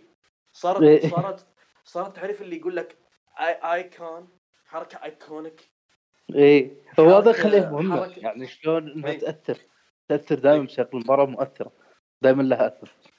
شايف شايف بروك ليزنر لما يسوي German suplex نفس الفكرة. طول المباراة. German إيه، suplex إيه. German suplex German suplex كرت انجل لما يسوي ال ankle lock مثلا. إيه. مو شرط إنه ينهي فيها المباراة بس تلقاه من بداية المباراة للنهاية تو. إيه إيه، يسوي. إيه، هذه فهذه هذه حلوة. إيه. إيه. والتر مع chop مثلا. هذه نقطة. مم. نفس الشيء. صح. فهذه كلها إن أنت تكون هذه ثيم تكون هذه الشيء ال iconic أنت لما تشوف أنت لما تشوف مباراة فيها فريتز فون إريك 100% تبي تشوف فيها iron claw. صح يعني صحيح. الفكرة لما يجي. في بالك فريتز فون إريك يجي في بالك الآن وغير هذا وتعدد استخدامها ترى إي. بالضبط بالضبط ان إن أصلا هذه المباراه يعني شوف شوف الاستخدامات المتعددة اللي استخدم فيها على بابا. يعني مرة جاء استخدمها counter مرة استخدمها بالهجوم وبابا يحاول إنه إيه. يقاومها ونقطة. نقطة لازم نتوقف إنه أصلا شلون شلون فريتز فون إريك أنت حتى مو مو قيمتها المعنوية الحركة شكليا شكليا شلون يده كذا يا أخي الأصابع حقته ما تتزعزع ما تتحرك وثابته يعني إيه تحس- تحس تشوف يعني المباراة أبيض وأسود إيه، وقديمة. من الستينات ومع هذا تشوف عروق اللي اليد كيف كيف جاية وكيف اليد إيه. جاية مخلب فعلا مخلب إيه، تحس فعلا تحس كأنها عالقة بجمجمه الخصم إيه. لما يسوي. لا إيه. حتى لا قبل قبل ما يس- هو يجي بابا يمسك اليد يحاول يبعدها إيه. عنه يعني. وشوف اليد كيف كذا جاية. ما تحسها يد بشر. تحس وشوف وشوف اللحظات هذه يعني. شوف شلون الجمهور يترقبون. تخيلها وقتها. شلون أنت مثلا تخيل لك ياباني بالقاعة. وتشوف فريتز فون إريك قاعد يحاول يسوي ال iron claw وجاينت بابا يمسك يده يحاول يبعدها. لحظات يعني فعلا مثيرة. تحس يعني ياخذون يعرفون شلون يجذبون تفاعل الجمهور بمثل هذه الطرقات. تحتاج مصارعين أذكياء. يعني على على على أنها تبدو سهلة لكن مو كل الناس يطبقونها مو كل الناس يقدرون يسوونها بالطريقة هذه. فريتز فون بعد عجبني بالمباراة هذه شلون إنه يوازن. يعني إذا أنا مكروه إذا حسيت إن السيطرة بدأت تروح من عندي وحسيت إن الخصم بدأ يرجع أحاول إني أنحاش أحاول إني أطلع برا الحلبة أحاول إني أبتعد عن الخصم عشان ياخذ هو نظرة الشجاع البطل وأنا أخذ نظرة المكروه. فيها ذكاء يعني كبير صراحة بين المصارعين لما تشوف المباراة دي يعني تحسها من الأمور اللي يتعلم فيها المصارع أساسيات المصارعة. يعني مثل هالمباريات تحسها هذه هذه فكرة منه آه هو مجملا مجملا يعني. هذه المباراة يعني تحسها سابقة عصرها حتى حتى لما تشوفها انت بعقليه سابقة عصرها. لأنه ما ما أتذكر إني شفت مباراة في ذاك العصر كانت متمحورة حول حركة واحدة. صح إيه. ما أتذكر. أنا ما أنا شخصيا ما أتذكر. أنا شفت كثير. شفت إيه. كثير يعني. ما شفت مباراة متمحورة حول حركة واحدة. صح. وحركة واحدة هي طول المباراة. و... والجميل إنها ضد بابا لأن بابا يحب الأسلوب هذا أسلوب إيه. القصصي هذا في ال... ال- ال King's Road يعني بوادر ال King's Road بدأت تطلع من هنا إيه. يعني شوف شوف التعامل مع كيف بنى story للحركة وكيف اعطاها. اهميه و... الشخص المناسب يعني خصم مناسب جدا أكثر من ينوكي ينوكي يعني أحسن من ان تعطي ينوكي يعني مناسب جدا انك تعطي بابا. أي مع يعني حاول يخليها قتال. فريدز بعدين دخل دخل بعد ما ينوكي يعني ما كانت مهمة. إنه يعني دخل بعد إيه. بس بابا هي اللي كانت مدوي هي اللي كانت مؤثرة بابا كان محبوب إيه. جدا هذا كان هيل هذا. كان حركة واحدة هذا يقاومها حركة واحدة طبعا مدمرة وهذا يقاومها إيه. كيف كيف خلقوا مباراة رائعة عظيمة. والله مباراة عظيمة صراحة مباراة شيء جدا اي ممتاز. آه طيب انتهت المباراة بال DQ كالعادة. آه ذاك الزمن يعني. آه وهذا الشيء يعني آه متعودين عليه. بس يا أخي شوف الكرامة يا أخي. مو مثل واحد الله يستر عليه. اي آه اي؟ عموما نرجع. الآن انتهى ال tour هذا تبع فريتز فون إيرك في اليابان. لأن هو ال tour كان قصير شهر. هو كان من نوفمبر إلى ديسمبر. هذا إيه. ال tour رجع لأمريكا. أه قبل ما أنتقل لما بعدها أه نسيت أذكر إنه هو لما اللي هو فريتز. فريتز أه وقتها كان أصلا ماخذ ثلاث ألقاب عالم اللي هي ألقاب AWA لأنه صار في AWA فترة. أخذ آه، بنفس السنة أخذها مرتين آه، لقب ال AWA فصار بطل عالم ثلاث مرات. طبعا. هم ما يعترفون بالثلاث مرات هذه يعترفون لأن لأن هو بنفس السنة تم استحداث لقب الاي اللي تكلمنا عنها في البداية إن إيه. إن إن فرنجين يستحدث اللقب. هو. استحدثها بنفس السنة. فريتز فون إيرك فاز بالنسختين بنفس وهو الوحيد. يعني هذه سابقة تاريخية أيضا. آه، إحنا قاعد نتكلم عن فريتز فون إيرك مصارع غير مع كل شوي قاعد نقول سابقة تاريخية. لأن فعلا مسيرته فيها أشياء كثير first time ever الآدمي. عنده عنده trademarks كثيره في مسيرته. آه طبعا برضو نتكلم عن سانت لويس سام موشنيك آه كان يحب فريتز فون إيرك بشكل جدا كبير في ولا في في هذا ال- اللي هو territory سانت لويس. كم مرة يحب آه، فريتز معجب فيه مرة جدا. يعني علاقتهم تجاوزت مرحلة. مصارع صاروا أصدقاء في الواقع. إيه. و... وهنا آه، آه، فريتز فون إيرك لعب مباراة ضد بطل ال NWA العالمي الوزن الثقيل في ذاك الوقت بطل العالم في سانت لويس. آه لما خسر المباراة فريتز فون إيرك قرر إنه يطلع من الاتحاد. مو لأنه زعلان مو لأنه زعلان بس حصل على خلينا نقول إنه حصل على فرصة أكبر من لقب ال NWA لأنه هو كان في خطة إنه يفوز على جين كينيسكي. لكن آه، فريتز فون إيرك فضل إنه لا إنه في شيء ثاني أنا أبغاه. اختار شيء ثاني. شنو الشيء الثاني هذا؟ الشيء الثاني هذا إن آه، سام موشنيك وعد فريتز فون إيرك إن آه، إن راح يدعم فريتز في الوصول إلى إدارة اتحاد آه، تكساس اللي هو كان وقتها اسمه Southwest آه، Southwest Wrestling كان وقتها اسمه ال promo ال territory.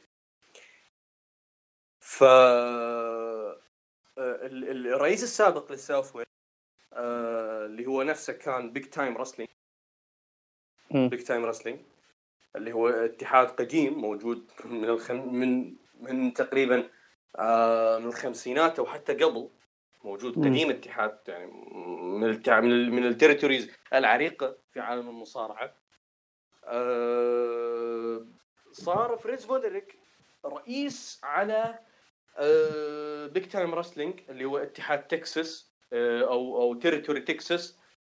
آه بعد آه رحيل آه رئيسهم السابق اللي هو إيه ل- آه ماكليمور أو، آه ماكليمور إيه. رئيسهم. السابق أي. أي ب بوساطة من آه، سام موشنيك بوساطة من سام موشنيك توسط توسط له عند ال NWA يعني شوف الكلمة اللي كانت عند سام موشنيك شوف ال شوف ال شوف ال قديش سام موشنيك شخصية مهمة أصلا. تاريخ تاريخ NWA تاريخ ال territories الآدمي قدر يوصل مصارع. كان وقتها جديد. ترى ما له بالمجال يعني 10 سنين. ما له. بالمجال. 10 سنين ووصله لرئاسة اتحاد كبير بس الحين. هو هل كان طب هل اشترى يعني ولا انه بس مجرد رئاسة مين مالك هو؟ بالبداية كان كان مجرد رئيس. كان معاه شخص ثاني اسمه بوش أو شيء زي كذا بول وش بوش آه هذا بعدين آه، فريدز فونريك اشترى الاتحاد بشكل كامل. ووخر وخر بوش عن الصورة صار هو لحاله خلاص آه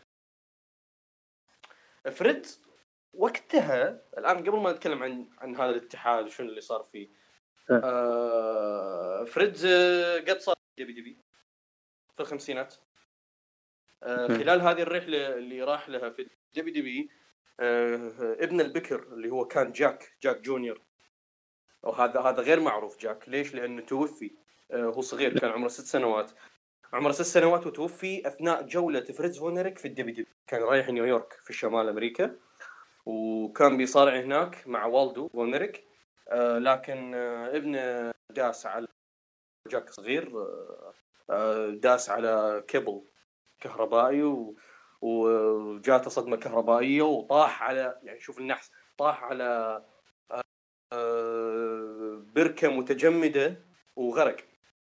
يعني فوق إنه أصلا يعني فهذه هذه بداية لعنة الفوق بدت من هنا. يعني الموضوع اللعنة هذه اللي الناس تتكلم عنه ان لعنة صار آه، بدت من هنا. واحد عمره ست سنوات طفل جاي مع أبوه آه، عشان جولة في نيويورك شمال أمريكا وداس على كبل كهربائي وطاح في في في بركة وغرق ومات. هذه صار كانت لها صدمة كبيرة على بعدها حلف ما يرجع. وترك نيويورك ما ما عاد سوى جولة في نيويورك من ساعتها ما راح ال WW مرة ثانية. بس إنه إيش؟ سمح لوالدو فونريك إنه قال له okay استمر. استخدم اسم والدو فونريك في في ال WW ان هذا نسيت أذكرها. بس انها نقطة مهمة لأنه هذه كان لها تأثير كبير على فريز فونريك جدا. لأنه من بعدها خلاص ما عاد رجع ما عاد رجع لل WW يعني شخص صار ولهذا فريدز من بعدها آه، صار يشوف مكان مشؤوم صار يشوف مكان مشؤوم إنه ما خلاص. إيه. وهذا السبب ان إن فريدز يعني جاته كثير أو كثير يعني ترى كانوا مخططين كانوا مخططين إنه يعملون مباراة بين برونو سامر- لأن كان أنت تعرف برونو سامرتينو كان عبارة عن mythic كان شيء كان إيه. في نيويورك. وكان حاجة كبيرة. فكانوا يبون له heel زي فريز فونريك الآدمي heel جبار. بس فريز ما ما وافق على العداوة هذه. يعني ما وافق إنه يجي. كانت لها أثر نفسي أكثر من إنه يعني ما يبغى يحقق هذا الشيء. ولا هو كان يعني شيء كبير إنه لو صارت ضد برونو سامارتينو. أتوقع كان بتكون عداوة نتكلم عنها آه، اليوم. صحيح. طيب. فهذا اللي صار. أصلا تخيل يعني فر... برونو سامارتينو عنده تريد bear hug وهذا عنده ال iron claw العداوة اللي راح تطلع هذه يعني؟ والله يعني كل ضخام و... اي ومعضلين و... وكلهم يعني هذا وهذا يسوي له bear hug وبنفس الوقت هذا يسوي له iron claw والله تحس كذا تطلع مباراة شيء يعني تركيبة إيه. الاثنين إي تركيبة الاثنين كذا لايقه على بعض. المهم ما علينا. المهم ما علينا. ف فريز فونريك هنا لما مسك آه، رئاسة آه، اتحاد Southwest غير اسمه غير اسم ال Southwest هذه سوى Big Time أو هو كان Big Time ويعني زي ما تقول انه آه لا هو غير ال Big Time هو كان Southwest أنا ذكرت قبل شوي إنه هو كان اسمه Big Time لا هو كان اسمه Southwest بعدين غيره سوى Big Time صار اسمه Big Time Wrestling وهذه هذه ترجع للاتحاد اللي هو بدأ فيه في كندا. Big Time Wrestling. اللي في كندا. إيه. هو تعلق بالاسم لأن هذا الاتحاد بدأ فيه. هذا هنا بدأ. يعني تعرف اللي جاه تعلق كذا فاقتبس هذا الموضوع. إيه. الاسم. اي فهنا كان بداية WCCW قبل ما نكمل لأن إحنا إحنا بنتكلم عن فريدز. إن آه، قبل ما نتكلم عن WCCW إحنا بنكمل عن فريدز بعدين ندخل WCCW ونتكلم عنه كاتحاد آه، أو اللي هو اللي هو نفسه Big Time Wrestling فريدز أكمل آه، بعدها عداوات دخل بعداوات كثيرة سواء في أمريكا أو في اليابان لأنه رجع يتردد لليابان أكثر من كمل عداوته مع جاينت بابا بسنة 70 و71 في على آخر أيام JWA وحتى بعد ما تقفل جي, جي دبليو اي راح مع بابا في All Japan كمل العداوة هناك مم. وأقيم نزال طبعا هو في JWA في نزالات كويسة حلوة جميلة آه، لكن ما كانت بنفس مستوى تأثير النزال الأول، النزال الأول كان صعب إنك تسوي شيء مثله. لكن بابا ك... بابا لما لما مسك كتابة All Japan ولما سوى اتحاد جديد All Japan و King's Road و... وأشياء كثيرة. هنا هنا نقطة نقطة قبل ما أكمل مع بابا. فريدز فونريك في أمريكا صار face إيه. تحول لشخصية المحبوب في أمريكا. لكن استمر بأنه يكون آه، فريدز فونريك ما غير الاسم ما غير الشخصية. بال- نوعا ما ما غير. بالولايات عموما ولا بتكساس؟ بتكساس طبعا. لأن هو أي. هو قل ما يصارع برا تكساس. هو بشكل عام سواء هو من تكساس ولا من آه، فريز سواء كان ألماني هو بيكون heel برا تكساس. لأنه لأنه خارج تكساس إحنا تكلمنا قبل من promotion ثاني من territory ثاني. جمهور هالولاية راح يكره بشكل عام. صحيح. إيه هذه النقطة. هو بشكل عام هو مكروه كذا كذا. لكن في تكساس صار يطلع بالمظهر المحبوب. ما غير الاسم ما غير الشخصية لكن صار يطلع إنه أنا ولد تكساس. بدا شوي يكسر بعض ال kayfabe ويغير شخصيته إيه. بشكل بسيط لكن استمر بفريز فونريك لأن هذا صار اسم مشهور. ال Iron Claw استمر فيه ال Iron Claw. آه ما ما ينفع تغير الاسم وتغير ما ينفع تغير الاسم. بعد وفاة ابنه آه شوي آه فريدز انكسر هذه أنا قلت انه مهمه فريدز انكسر انكسار قوي جدا ومر مر بحالة اكتئاب. والآدمي نفسيا كان جدا يعني يعني رايح إلى إلى مكان مش كويس. في يوم من الأيام كان جالس في السيارة يعني كذا تعرف اللي واحد مكتئب قاعد في السيارة بالليل ودنيا مطر وقاعد كذا تعرف اللي باقي بس يدخن ويحرق الروح قبل ما تروح يعني فعليا أي واحد كذا مكتئب مكتئب إيه. يقول فجأة سمع بالراديو في حملات تبشيرية حقت الكنيسة وقس قاعد يتكلم إيه. إيه. عن المسيحية ويتكلم عن هذه الأمور الدينية آه، يقول فريدز إنه إنه تأثر بهذا. بهذا الخطاب وراح التقى بهذا القس. ويعني نوعا ما انه تدين وحسب كلامه ولد من جديد كمسيحي وهذه ساعدته نفسيا إنه يمضي في حياته كشخص متدين وصار مو بس متدين عادي متدين متعصب بعد. آه وطلع في مقابلة على التلفزيون هذه مهمة جدا نتكلم عنها ليش الناس صارت تحب فريدز فونريك وهذه مهدت إنه يقلب face إن آه، فريدز طلع مقابلة على التلفزيون الوطني الوطني مو بس تكساس الوطني يتكلم عن قصته كيف كيف إنه آه، آه، اهتدى للمسيحيه صار متدين. هذه المقابلة هي واحدة من أهم أسباب شهرة فريز فون لأنه هذه المقابلة سوت ضجة كبيرة جدا. وبنفس الوقت فريز فونريك استغل استغل علاقته القوية الآن مع الكنيسة في دعم الاتحاد اللي هو صار promoter عليه اللي هو اتحاد تكساس Big Time Wrestling إيه. استغل ان هذا هناك آه، عند المجتمع الأمريكي أي. أكثر تدينا من المجتمعات الأوروبية. نتكلم عن الموضوع المسيحي خصوصا بعد بالولايات هذه المحافظة إي ولايات الجنوب وغيرها وتصير في أهمية يعني للجانب الديني العامل الديني ممكن هذا فعلا زاد من شعبية إيه. المصارع وحتى العائلة ككل يعني كونها لا هي هذه معروفة تمثل هذه معروفة القصة آه، مشعل المقابلة. هذه معروفة ومشهورة لأنه لأنه الكنيسة يعني حتى طلعت في وثائق أنه الكنيسة كانت داعمة مالية للاتحاد إيه. يعني تخيل هذه صورة يعني الأمريكي المثالي يعني. اللي هو الأبيض المسيح المسيح البروتستانتي ال- ال- المتدين يعني المحافظ. هذه يعني هي تزيد من شعبية ال- لأن هذه تصير صورة الأمريكي ال- المثالي. وهذه يحبونها الجمهور خصوصا نفس ما قلت لك بولا- بولايات الجنوب وال- والمجتمعات المحافظة. تحب النظرة هذه للأمريكي. ف آه، صار محبوب. في تكساس. بس صار الموضوع شنو؟ آه، فريدز لما يروح اليابان يرجع مرة ثانية وسخ نازي كلب آه، آه، ألماني heel قذر ها ويلبس التيشيرت الأحمر كالعادة. لما يرجع لما يرجع تكساس لا يلبس قبعة هذه حقت ال cowboys. صار ف- مختلفين يعني. صار إي لا صار صار من أوائل المصارعين.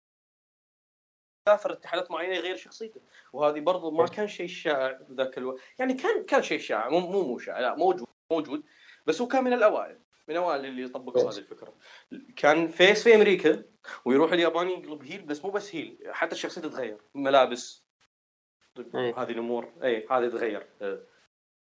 ف نرجع نرجع يكمل عداوته مع بابا أه، حتى يسوون ال payoff لأن خلاص عداوه صار لها كم 10 سنين فالان بيسوون ال payoff بنسوي حاجة كبيرة. نبي نسوي شيء كبير. شنو الشيء الكبير اللي عملوه؟ هم عملوا بناء. بناء كبير. آه، بين بابا وبين آه، بين آه، خلينا نقول فريدز.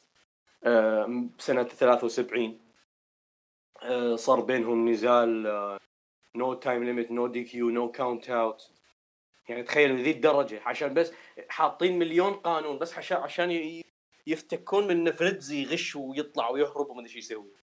يعني تخيل. أي. وبرضه ما نفع.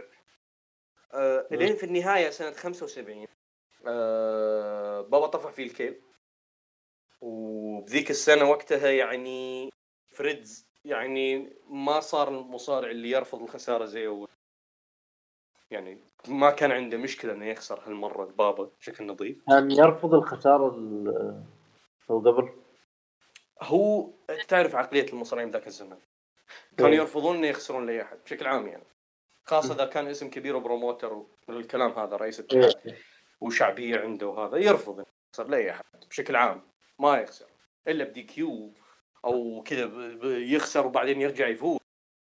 هذا إيه. النظام أنت تعرفه يعني. بابا سواها واينوكي سواها وغيره. هذا النوعيه يعني. يشوفون إن هذه يعني تعلم من الكرامة. اسمع تعلم. شوف شوف. إيه.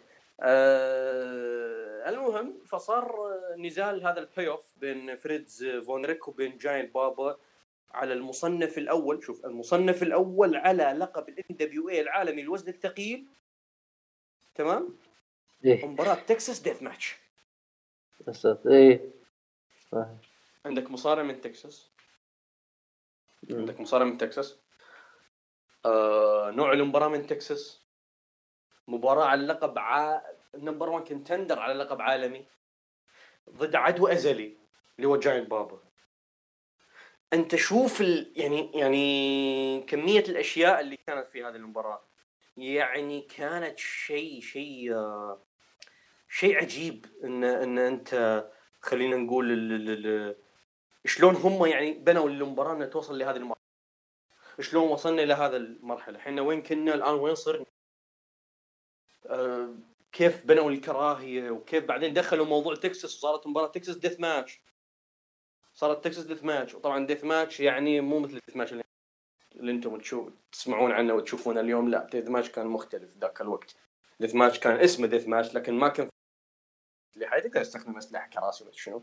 لكن تقدر إنه خلينا نقول ان هي الفكرة ان ان ما في فوز بالتثبيت والعد الخارجي. آه، ولا بال DQ الفوز يكون آه بال last man standing يعني تقدر تقول هي last man standing last man standing بس كانت بالحلبة أكثر لأن قبل لا لا لا حتى حتى خارج الحلبة عادي. إيه. حتى خارج الحلبة اي آه النقطة نقطة حلوة إنه كانت في هذه المباراة. آه فريدز فونيريك جايب حكم من تكساس. وجايب إيه. بابا جايب حكم اليابان طيب. ليش؟ ليش؟ لأنه دائما دائما كان فريز فونيريك يتحجج بسالفة الحكام لأن خسرت بسبب الحكم. و... و... وطبعا هذه بعدين نتكلم عنها مع عياله وكذا موضوع الحكم هذا لأن لعب دور بعدين. آه فدائما يتحجج كان موضوع الحكم. فجاب حكم معاه من تكساس. وهذاك جاب مع هو وجاين بابا من اليابان؟ يضمنون انه ما حد يغش. جايبين ممثل عن كل واحد. يضرب كل شوي يلاحق حكم اليابان كذا. إي إي بالضبط. كان يضرب حكم اليابان و... أنا يضحك اللي يضحك حكم حكم تكساس. حكم تكساس قاعد قاعد ماسك ما يحاول يفك بين الحكم وبين فريدز يحاول يساعد الحكم يعني. ونقطة حلوة نقطة حلوة إن ملبسين حكم اليابان أحمر وملبسين حكم تكساس أزرق. وملبسين فريدز أزرق وملبسين بابا أحمر يعني نفس إيه. الألوان نفس إيه، الالوان صح. وكذا تحس إنه عشان تعرف هذا الحكم هذا مع مين و... يعني هذه هذه برضه حلوة لفتة حلوة إنه شلون تنسق الألوان فريز ما كان يصارع بالسروال الأزرق كان يصارع بالأحمر بس عشان إيش؟ عشان نوصل لهذا ال... عشان نوصل إلى هذا ال... عشان الناس تفهم اللي ما تابع العداوة يعرف وش الفكرة يفهمها على طول وهي طايرة. فانت شفت العد... شفت المباراة. عطنا رأيك فيها. أه، أحسها بنت على المباراة دي الأولى اللي شفناها اللي ب مم. 66 لكن مع توجه أعنف كون المباراة يعني ديت ماتش ويعجبك ال... ال... شلون يشعرونك بالخطر. يعني دائما بال... بالخطر موجود. يعني خصوصا على بابا كون المصارع المحبوب. دائما تحس بال... بال... بالشعور هذا بالخطر موجود. أحسن ما في شيء كثير أقدر أقوله لأن هي نفس ما قلت لك بنت على المباراة السابقة بتشوف الكلو كثير وبتشوف ال- المحاولة يعني التخلص منها من باب كثير. آه، لكن بتشوف توجه أعنف أكثر وم- م- ممكن للجمهور الحالي يعني أكثر كون أنهم يعني ممكن يقدرون أو أن ممكن يكونون متوافقين مع هذا النوع من المباريات أكثر.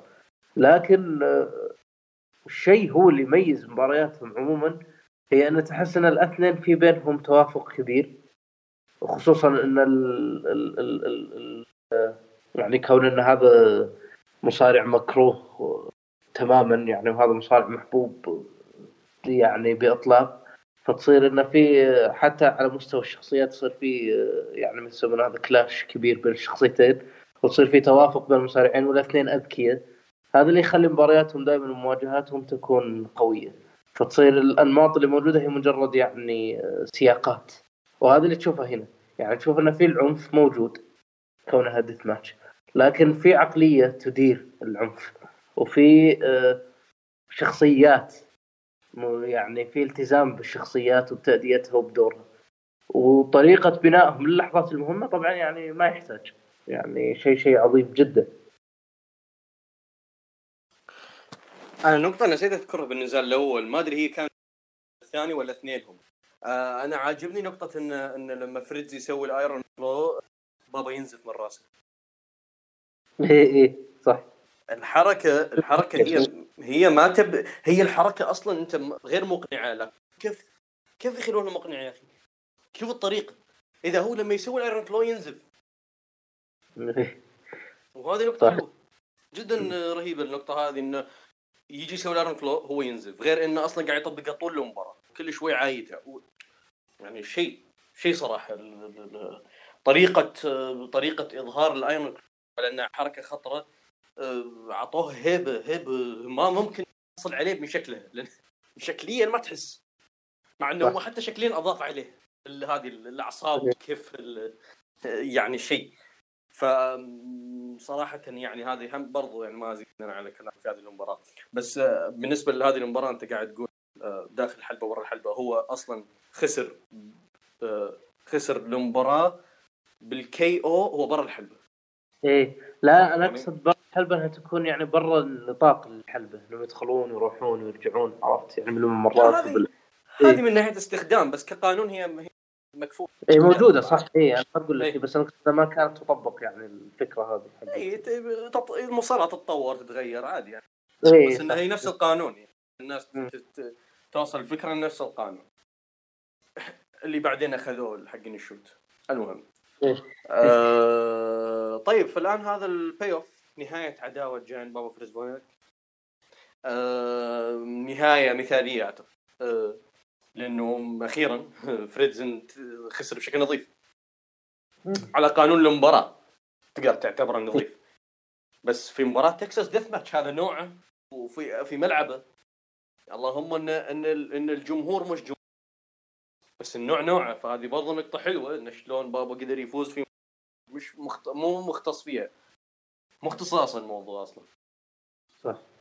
فهذه حاجة حلوة برضه فهنا بابا صار number 1 contender على NWA العالمي الوزن الثقيل واللي بعدين راح انتزع وخسر بعدها بأسبوع. كلام. اي هو لا هو خسر هو خسر بعرض محلي بعد. ما حد شاف. اي وهذا الحوسة إيه. حقت ال... اي طيب. الآن آه، فريتز في تكساس. أنا تكلمنا عنه في اليابان. بنتكلم عنه في شوي في تكساس. شنو العداوات اللي كان يدخلها؟ من العداوات اللي كان يدخلها فريتز آه، أو هي الأشهر آه، ضد جاري هارت وضد جريت كابوكي مم. هذول الاثنين بالذات. هذول الاثنين بالذات كانوا من ألد أعداء فون إيه. جاري و... وكابوكي آه واللي بعدين استكملت إنه لاحقا لما جو عياله آه في لما جو عياله دخلوا في عداء جاري وكابوكي فاستكملت يعني. ورثت العداوة لكن هم هذول كابوكي وجاري وغيره كانوا من ال heels الشديدين لدرجة إن هم ذول اللي ساعدوا فريتز إنه يكون هو ال babyface اللي إحنا نشجع عليه في تكساس. وصنع شعبية كبيرة غير سالفة الكنيسة وما كان خاصة إن كابوكي كان كان ما شاء تبارك الله مطبق شخصية كنيسة تعتبرها هرطقة. يعني شوف ال... شوف الاستغلال استغلال ال... ال... ال- الظروف اللي حوله. إيه. آه، آه، عندك شيء عن فريتز قبل ما انتقل على ال WCCW أه لا ما يعني أعتقد تحدثت عنه يعني بشكل وافي صراحة. ما عندي ما عندي شيء. بس عندي الموضوع رومو هم. رومو كان ممتاز على المايك. اي عن طريقه كلامه طريقة ترويج النزالات طريقة الصراخ الصراخ إيه. والعويل. يعني تحسه إيه. فعلا شخصيته يعني فعلا تقمصها وهذا البرومو صراحة كان يعني آه، يعني من من من الأمور اللي يستحق ان تستحق أن تذكر يعني. مو كل واحد يصير عنده نفس الجودة هذه بالكلام على المايك. جميل. الآن خلينا نتكلم شوي عن الاتحاد آه، اللي هو اتحاد تكساس territory تكساس. في السابق كان فيه مثل ما ذكرنا إن تكساس مقسمة عدة territories. ما كان. كان دالاس في territory كان في آه في هيوستن territory في خلينا نقول آه اللي هو آه، آه سان أنطونيو territory. هذه بعدين هذه بعدين لما جاء فريد فونري تقريبا تقريبا وحدها تحت جناحه. يعني صار هو هو ال territory الرئيسي في تكساس. صار هو الرئيسي صار هو الأكبر. خاصة لما غير اسم الاتحاد من Southwest إلى Big Time وموضوع الكنيسة هذا برضو ساهم بشكل كبير يعني تكلمنا عنه. إنه ليش ليش فريتز كان الحين تغيير تغيير الاسم هذا. هل له أي. سبب معين أو انه مجرد تغيير يعني تجديد era هو صار هو صار promoter مسك الاتحاد فغير الاسم. بكل بساطة. يعني هذه تكلمنا- لما اشترى الاتحاد.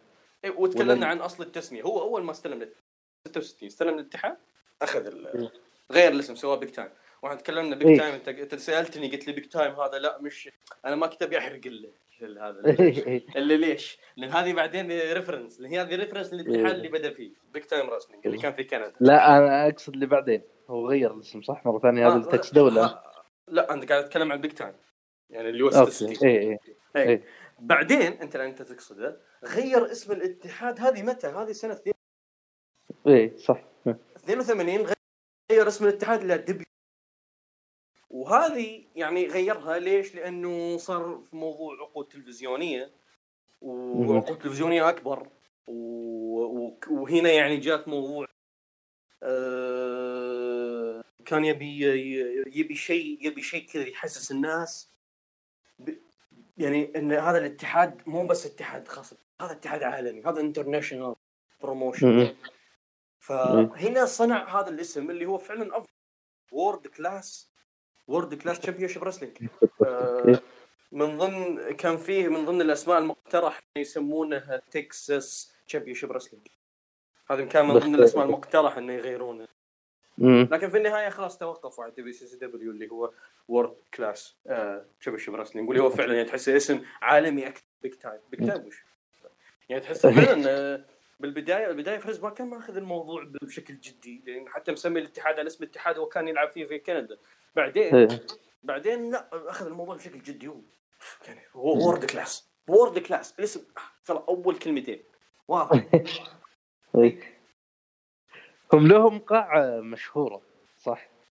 اللي هي آه، اللي هي Reunion Arena Reunion Arena يسمونها. اي آه، لا هذه الثانية اي هذه إيه. هذه هل كانت مشهورة وقتها ولا هي بعد ال... الاتحاد ولا هي موجودة ولا كانت يعني تقام فيها العروض من زمان من قبل تغيير الاسم؟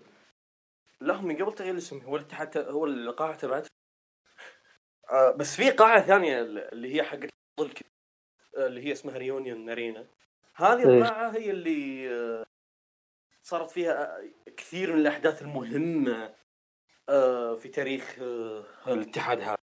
يعني هم يعني الحين في نتكلم- قاعتين في قاعتين. أنا اللي عارفه اللي هي اسمها هذه ال Sport آه، torium أو شيء من هالقبيل. هذا إي، عارف. المعروف اللي اللي هدمت ب 2003 ما أدري متى هدموها مرة. اي أي. والثاني؟ فيه فيه ال Texas Stadium اي هذا ال stadium التتم هذا اللي إيه ال- اي أي، المعروف هذا اللي هو صار فيه أكبر وأهم تاريخيا. إيه. لكن قبلها قبلها لما نتكلم عن قاعات مو ملعب آه نتكلم عن Reunion Arena ونتكلم عن Sport آه torium هذه. إيه. آه فهذه هذه القاعتين اللي هي كانت أشهر شيء واهم شيء بتاريخ ال- الاتحاد؟ آه كان في قاعة ثانية على ما أتذكر قديمة بس ما لحقوا عليها ال... آه. مو على أيام ال WCW قديمة يعني. اي ف عموما يعني هذه موضوع. طيب أنا. أتكلم عن عن الإنتاج كاتحاد ال product ك... كمنتج. أنت الآن تشوفه على هذا بعد ما غيروا ال WCW هذا. أي بالضبط. شنو الشيء المميز اللي دبليو؟ واحدة من الأشياء المميزة طبعا قلنا قبل شوي إن هم يعرضون على قناة خاصة بتكساس. قناة خاصة بتكساس. إيه. و... وهذا التمويل اللي جاهم من الكنيسة في ذاك الوقت. خلى فريتز فون إيرك يسوي أشياء غير مسبوقة بعالم من ضمنها الاتحاد صار يستخدم أغاني دخول. وهذه في ذاك الوقت ما كان كان شيء غير مسبوق. لأنه وقتها فينس هو لما سواها فينس لما سواها بعدين بعدها بكم سنة فينس ماكمان سواها وحطها تحت كلام Wrestling and Rock Connection. شيء زي كذا كان كان اسم كذا لا الحين. لحظة الحين اغاني الدخول موجودة من زمان. موجودة من موجودة من زمان مو مو بأمريكا أنا اللي سمعته جورج جورج هو اللي إيه. يعتبر الرائد الأول لهذا الموضوع هو ف هو- وش اللبس يعني اللي هي لا لا بنتكلم عن اتحاد كامل في اغاني مو مصارع إيه. هذه كانت حالات فردية يعني حتى محمد علي كلاي في الملاكمة كان أغنية الدخول وبعدين إيه. لما راح اليابان لما راح اليابان ينوكي اخذ الأغنية إيه. نفسها غيرها من علي بومبايخا سواها ف اي ف ف هي موجودة الأغنية موجودة فردية. اتحاد تكساس WCCW كان الاتحاد كامل في أغاني دخول وكان. فيه وهذا الشيء ساهم في مساله طبعا بعض الأغاني الفون إيركس عياله هم عياله هم اللي غنوها ومو- ويعني خلينا نقول مو مو غنوها يعني ما كان في اغنيه اغنيه أغنية كان موسيقى. إيه. اللي كانت وقتها شائعه آه، بذاك الوقت. آه، مايك أتوقع على ما أتذكر إن مايك واحدة من الأغاني هو سواها. أوه. لأن مايك كان كان يحب العزف على الجيتار. إيه. واحدة منها هو كان سوى هو كان هو سواها إن أنا أنا اللي أعرف إنهم كانوا يأخذون أغاني مشهورة صح؟ هو هذه كانوا الثمانينات إي، لا. كانت هذه الموضة يعني. هم كانوا ياخذون أغاني مشهورة إيه. آه، واحدة من الأغاني أنا ما اتذكر في أغنية استخدموها الفون إيركس أغنية آه، إيه. بعدين ما أدري مصارع مشهور استخدمها هوجان أتوقع أتوقع أوه. هوجان هوجان إيه. استخدم هذه الأغنية قبل ما يستخدم ال Real American. استخدم أحد أغاني الفون إيركس. استخدمها أغنية مشهورة كانت بس إن طبعا بس يعني ال Freebirds ما يحتاج مع الأغاني يعني المشهور. آه كان- الفري بيردز وغيرهم يعني. إيه. بس هو نتكلم يعني بشكل عام الاتحاد كان قائم على هذه المسألة إنه مسألة أغاني الدخول كانت شيء ما قد صار في أمريكا إن الاتحاد يعتمد هذه. الفكرة بشكل كامل كجزء إيه. من المنتج كجزء من إيه. المنتج كان. آه طب هذا أول شيء. هذه أول شغلة. الثاني. آه آه الشغلة الثانية آه التصوير والاخراج التلفزيوني. التصوير والإخراج التلفزيوني آه، كأنك تشوف حدث رياضي آه، ثاني يعني مو مو لأنه الإخراج والإنتاج التلفزيوني كان على مستوى ثاني غير ما يعني مستوى أعلى من باقي الاتحادات إيه. آه، كان في تركيز على إيه. كاميرات صح؟ الكاميرات الكاميرات. أكثر من كاميرا أكثر من كريم كلمه أكثر من كاميرا. آه وبالمناسبة فريز كان يشغل عياله مصورين في الاتحاد. في البداية قبل ما يدخل المصارعين كان يشغل إيه. مصورين. هو لأن اللي اللي سمعته يعني إنه كان في اقتباس من مباريات الملاكمة. إيه. من إنتاج مباريات الملاكمة من ناحية الكاميرات. بالضبط. أخذوها وحطوها بال... بالمصارعه فوقتها كان كان شيء ثوري. تقريبا الملاكمة المصارعة أخذت كذا. نعم الدخول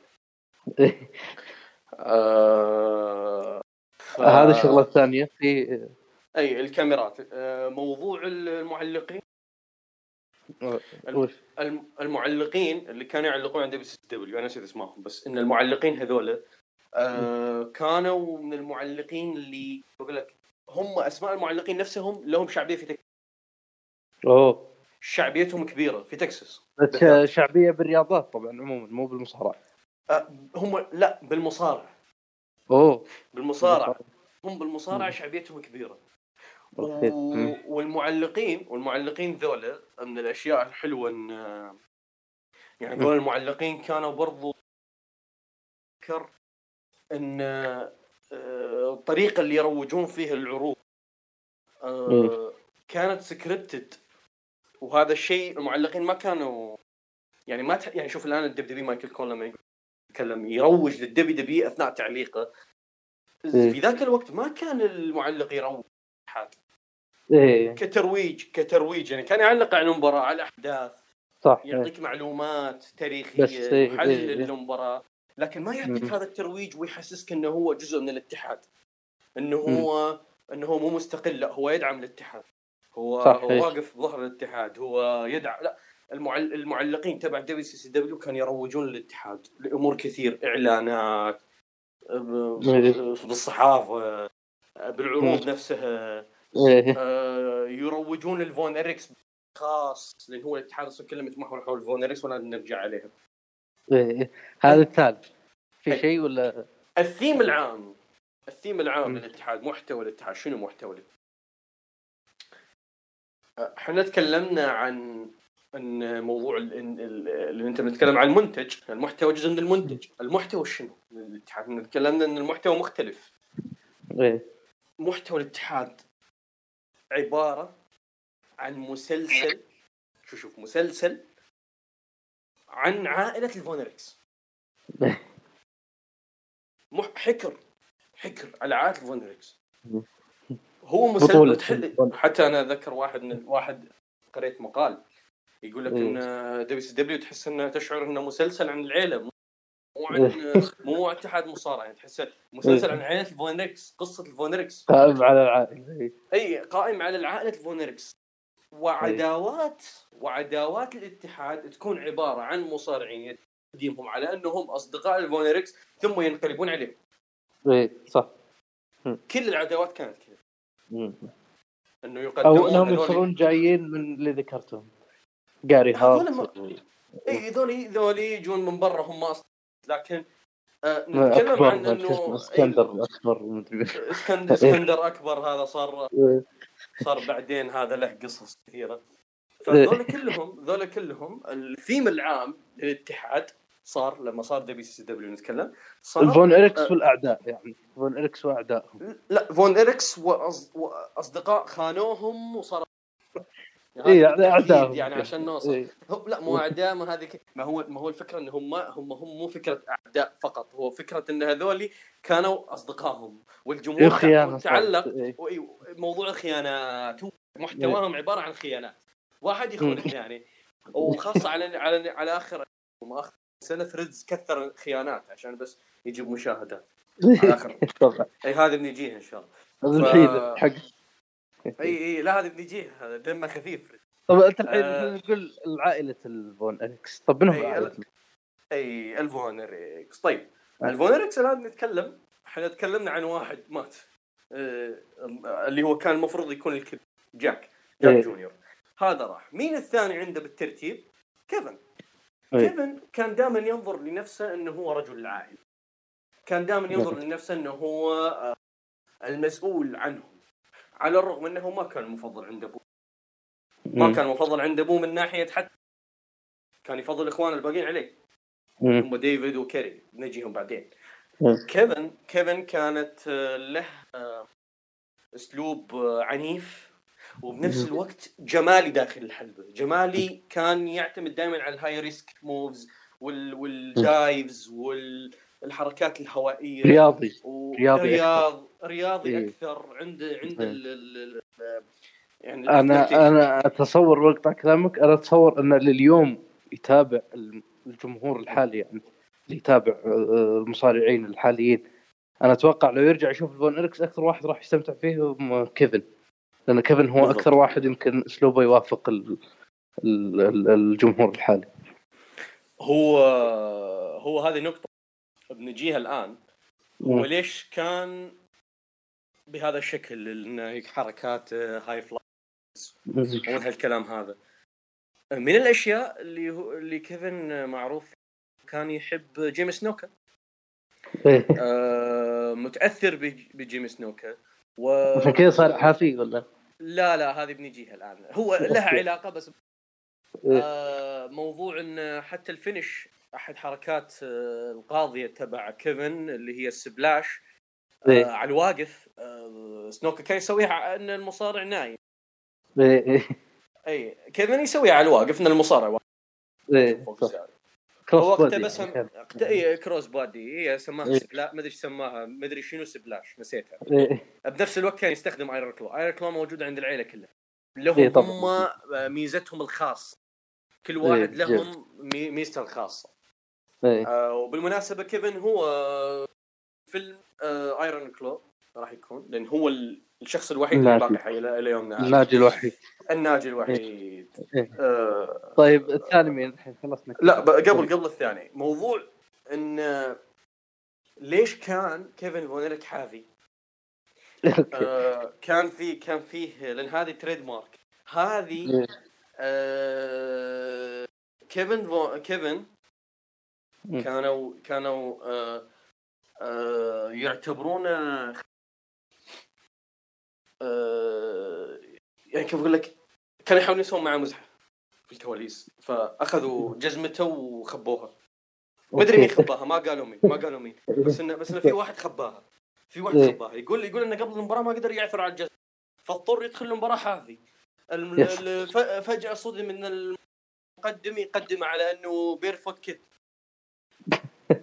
جازنا. فا إي ال- الولد الحافي. سماه سموه الولد الحافي. الولد الحافي كيفن فون إريك فكيفن فون إريك كيفن فون إريك صادف إنه هو يحب جيمي سنوكا. جيمي سنوكا كان حافي. فرجعها قال أنا أنا سوي أنا صرت حافي لأنه أنا أحب جيم سنوك. فحبيت أقلده. هو كذاب. ما لقى جزمة ودخل حافي وخلاص صارت تريد مارك والناس حب يعني هي هذا اللي صار. صدفه. صدفة بس مشت معاها يعني. إيه. طيب طيب الحين هذا كيف هذا كيفن آه، واللي هو كان الثاني. كان خلينا كان أسلوبه عنيف على الحلب أكثر من إخوانه. آه عنيف. إي إي. عنيف في في عنف يعني غير غير الموضوع. أتذكر داخل إيه، كان يتكلم. يقول إن ال...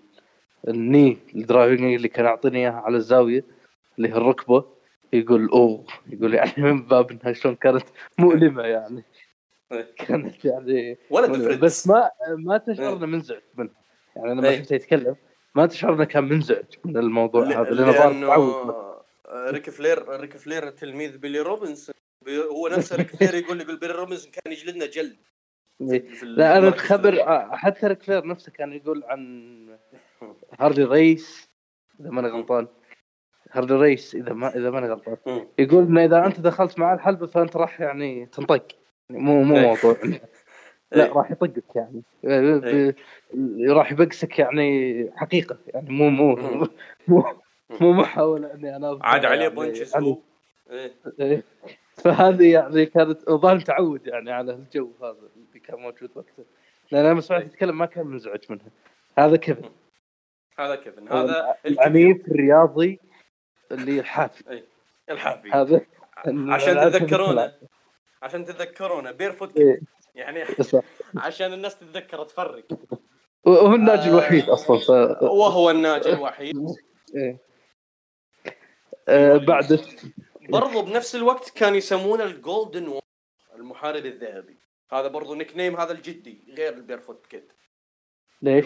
ال golden warrior هذا- كان يعني هذا هذا مسمى اللي إيه. إيه. شخصيته يعني كانوا يسمونه هذا لأن هم كلهم هم كلهم الفونركس كانوا دا يعتبرونهم. عشان كذا بعدين كيري لما راح الدبي دبي خلوه تك ما إيه. علينا. طقطقه اي آه فيعتبرونهم ووريرز كذا محاربين تكساس إيه. ف فالثاني نتكلم عن آه خلينا نتكلم عن آه ديفيد. إيه. ديفيد على اجماع إجماع الكل. من ضمنهم ألو... فريندز ومن ضمنهم آه... عالم المصارعه كله. يتفقون إن ديفيد هو أفضل واحد من ضمن الفون اريكس وهو صح. اللي كان له له خطوه كبيرة جدا. ليش؟ ديفيد. ديفيد ديفيد آه، كان هو الوحيد من ضمن عيلة الفون اريكس اللي اللي تدرب على يد ابوه وراح تدرب على يد شخص ثاني، مين هذا الشخص الثاني؟ دوري فانك، إيه. دوري فانك وين في فلوريدا، في territory ثاني، راح إيه. قدم شخصية ال heel في في فلوريدا، صح. تكلمنا إن لما واحد وهذه يطلع هي النقطة. هو الوحيد اللي قدم شخصية ال heel بالضبط. بس وين إيه. في territory ثاني؟ هذه إيه. نقطة. هذه نقطة مهمة لأن أنا مهدت لها قبل. أنت لما طلعت من من تكساس ورحت لمكان ثاني أنت بتصير heel أوتوماتيكيا إيه. في حالات نادرة يعني. ما راح تكون عندك عام. شعبية الفون اريك. بالضبط فديفيد ديفيد هناك في فلوريدا تدرب على الدو واكتسب مهارات wrestling skill يعني شوف شوف, شوف ليش ديفيد كان كان شيء طفرة كان طفرة يعتبرونه. ديفيد ديفيد آه، كان عنده wrestling skills كان عنده. شكل كان طويل فارع الطول. طول طول كان أطول واحد إيه. كان وهو. قريب من من قريب من شكل ابوه كطول وكجسم وكهذا إيه وكان كبرومو إيه برومو هو. هو أفضل واحد هو أفضل. واحد فيهم كمتحدث. وغير ال wrestling skills إيه على ال mat الآدمي عند يا أخي آه، في نزالات لما تشوفه الآدمي عنده عقليه عقلية مصارع كلاسيكي بشكل مو. طبيعي يعني على حلبه يعني عنده transitions مبهرة مبهرة للعين إيه. تسحر العين. أصلا شو اسمه إيش يقول إيه. عندك ريك فلير؟ طبعا ريك فلير راح نذكره كثير لأنه هو الوحيد اللي صارع ال... أو من القلة اللي صارعوا الأولاد كلهم. فلا بد أن نذكره بشكل كبير. وهو أخبر فيهم من غيرهم داخل الحلبة. كان يقول انه هو الأحسن يوم سئل عن مين أحسن مصارع من الفون إريكس آه، دخلت معاه في الحلبة قال آه، ديفيد. وقال إنه كان السموثست يعني سلس. كان اكثرهم سلاسه وهذا مثل الكلام اللي أنت قاعد تقوله يعني يؤيد ال... ال... ال... يؤيده كلام ريك فلير. كون إن الإنسان سلس معناته إنه داخل الحلبة transitions والمراوغات وطريقه التنقل. هذا راح تكون أكثر سلاسة من غير. نقطة ثانية. نقطة إنه صح آه، تكلمنا عن إنه طبق شخصية ال heel وهي ناجح جدا. زد عليها face في تكساس ناجح جدا. لأن كان وسيم وطويل وهم كلهم كلهم الفون اريكس يشتهرون انهم إنهم فيهم هذه صفة الوسامة و chick magnet ومعضلين. كلهم اجسام كلهم أجسام جذابة. كانوا كانوا أبطال. أبطال يعني الولايه أبطال تكساس. إيه. إي. أبطال تكساس المثاليين. إي هذا هو. اللي مدافعين لا أقول لك يعني هو النموذج إيه. الأمريكي السوبرمان يعني. الأمريكي أيوة. الأبيض المتدين بنفس الوقت المحافظ العائلي رجل العائلة. هذه يعني كلها كانت موجودة عند الفون إريكس كل العائله يعني عموما. فكانوا معشوقين من قبل تكساس بشكل عام كولايه كانوا كانوا كانوا مشاهير. برضو إيه. ثانية يتميز فيها ديفيد. غير غير اتقانه للشخصية. كاريزما. الادمي كان كاريزما. كان كاريزما. يعني ليش أقول لك أنا طفرة؟ الآدمي حرفيا إيه. يتعامل من كل شيء. كل شيء من كل الجوانب. total package total package كان كان حاجة كان شيء شيء شيء مختلف عن الباقيين. ديفيد إيه إيه. اي اي لا إيش كنت بتقول؟ لا لا كنت بقول بس كنت بنتقل يعني بس انت الحين كمل. ديفيد إيش فيه؟ لا لأنه ديفيد آه، ديفيد آه، مثل ما ذكرنا إنه هو كان محبوب من قبل الكل. إيه. ونقطة ديفيد ما أكثر موهبة منهم مو بس أكثر موهبة هو هو قلت لك أنا طفرة بس إنه في شغلة نسيت أنا إيه. اذكرها إنه ما تتعلق بحياته الشخصية. ديفيد تزوج وكان عنده ولد وولد هذا مات وبعدين إيه. مات مات مات عمره أسبوعين ثلاثة إيه، يعني بعدها بعدها بعدها انفصل. يعني وما طولت معاه لأنه سنتين وبعد ديفيد okay. ف... يعني هذا. يا. فديفيد على كل هذا إحنا المديح اللي قاعد نمدح أو عالم المصارعة كله يشهد على هذا المديح وكلهم يمدحون ديفيد بهذا المدح. مسيرته كلها عبارة عن ست سنوات فقط. إيه. ومات مات 25 سنة. 25 سنة. وكل كل هذا هو 25 سنة. هذا لو كمل إيش كان بيسوي هذا؟ هذه هو اللي كان له الخطط يقولون يعني إنه كان له خطط إنه يفوز أصلا باللقب إيه. بال NWA لا مو بس يفوز. كانوا مخططين إنه ياخذ آه، فترة لقب طويلة باللقب. لأنه إيه. كان كان يشبهونه بريك فلير إنه ريك فلير ريك فلير كان كان متقن لكل شيء وكان total package نفس ديفيد. ديفيد كانوا مخططين إنه يكون ريك فلير القادم. لكن إيه. اللي صار اللي صار. وهذا في اليابان التفاصيل. بنجيها. إيه. لا هذه موضوع صار لها إن شاء الله بعدين لما نتكلم عن عن العداوات. طيب الحين ديفيد هذا الثالث. الثالث مايك. أنا لا ما. مو قاعد أتكلم عن الثالث مايك ولا اللي قبله؟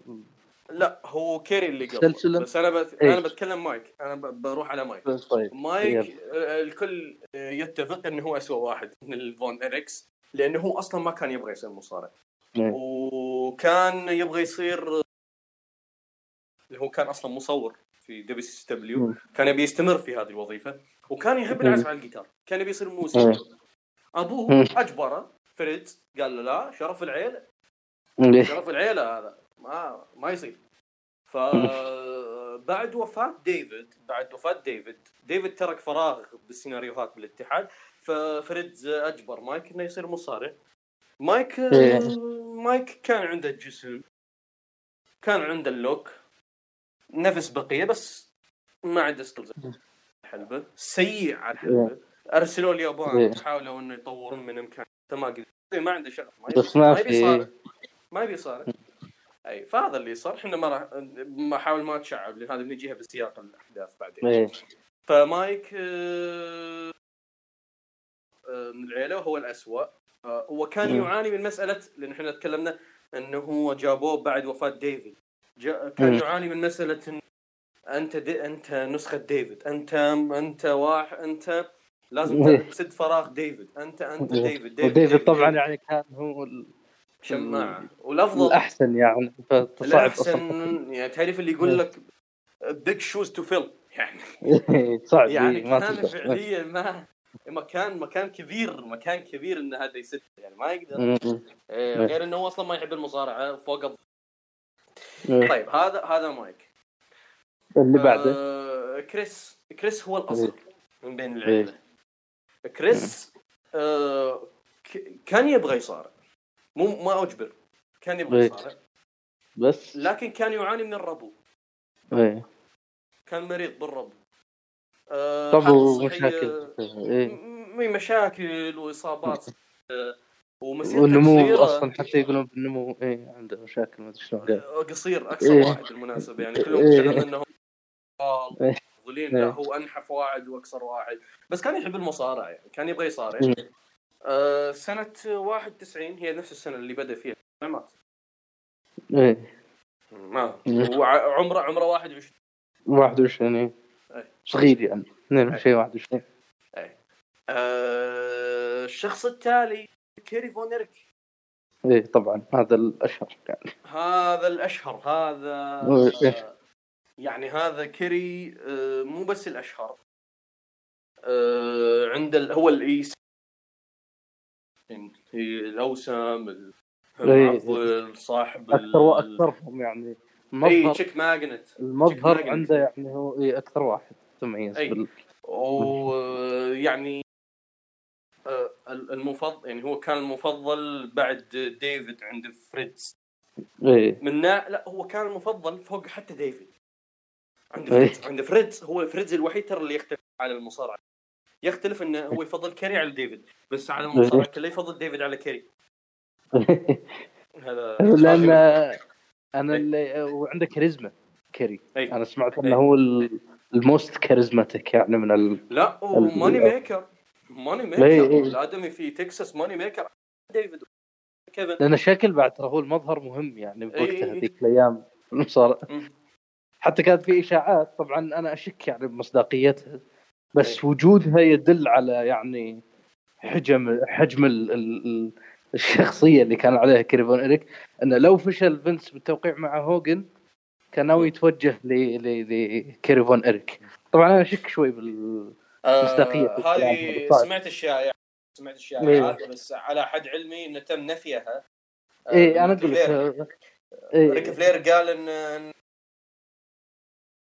كيري فينس أبد نهائيا هو قال هو قال أنا سمعت ريك فلير قال إنه يعني مستبعد هذا اللي أي. يعني يعني ما ما أتوقع بس هي وجودها يدل. على وجود الشائعة هذه يدل على يعني شكله بعدين كان حريص فينس كان يبي كيري فون إريك يعني بغض. النظر عن موضوع هوجن هو كان فيه اهتمام جدي بكيري فون إريك أكثر من غيره في في نقطة ذكرتني فيها أنت الحين لما تكلمنا عن. فريتز موضوع إنه هل بيعطي كيري ال- الفنس ولا لا آه في شيء عن فريتز لازم الناس تعرفه آه كشخص إيه. فريتز آه كان قلنا متعصب ديني متعصب بنفس الوقت إيه. محافظ متعصب إيه. محافظ متعصب لدرجة إنه كان عنده حتى شيء عند المحافظين مش موجود وشنو هذا الشيء؟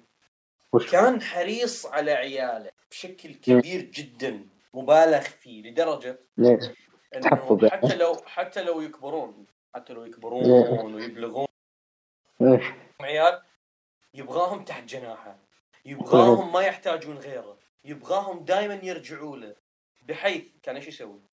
كان آه، مثلا واحد من الفونريك راح اليابان وتقاضى مبلغ معين خلينا نقول على سبيل المثال 3000 هو إيش يسوي؟ طيب.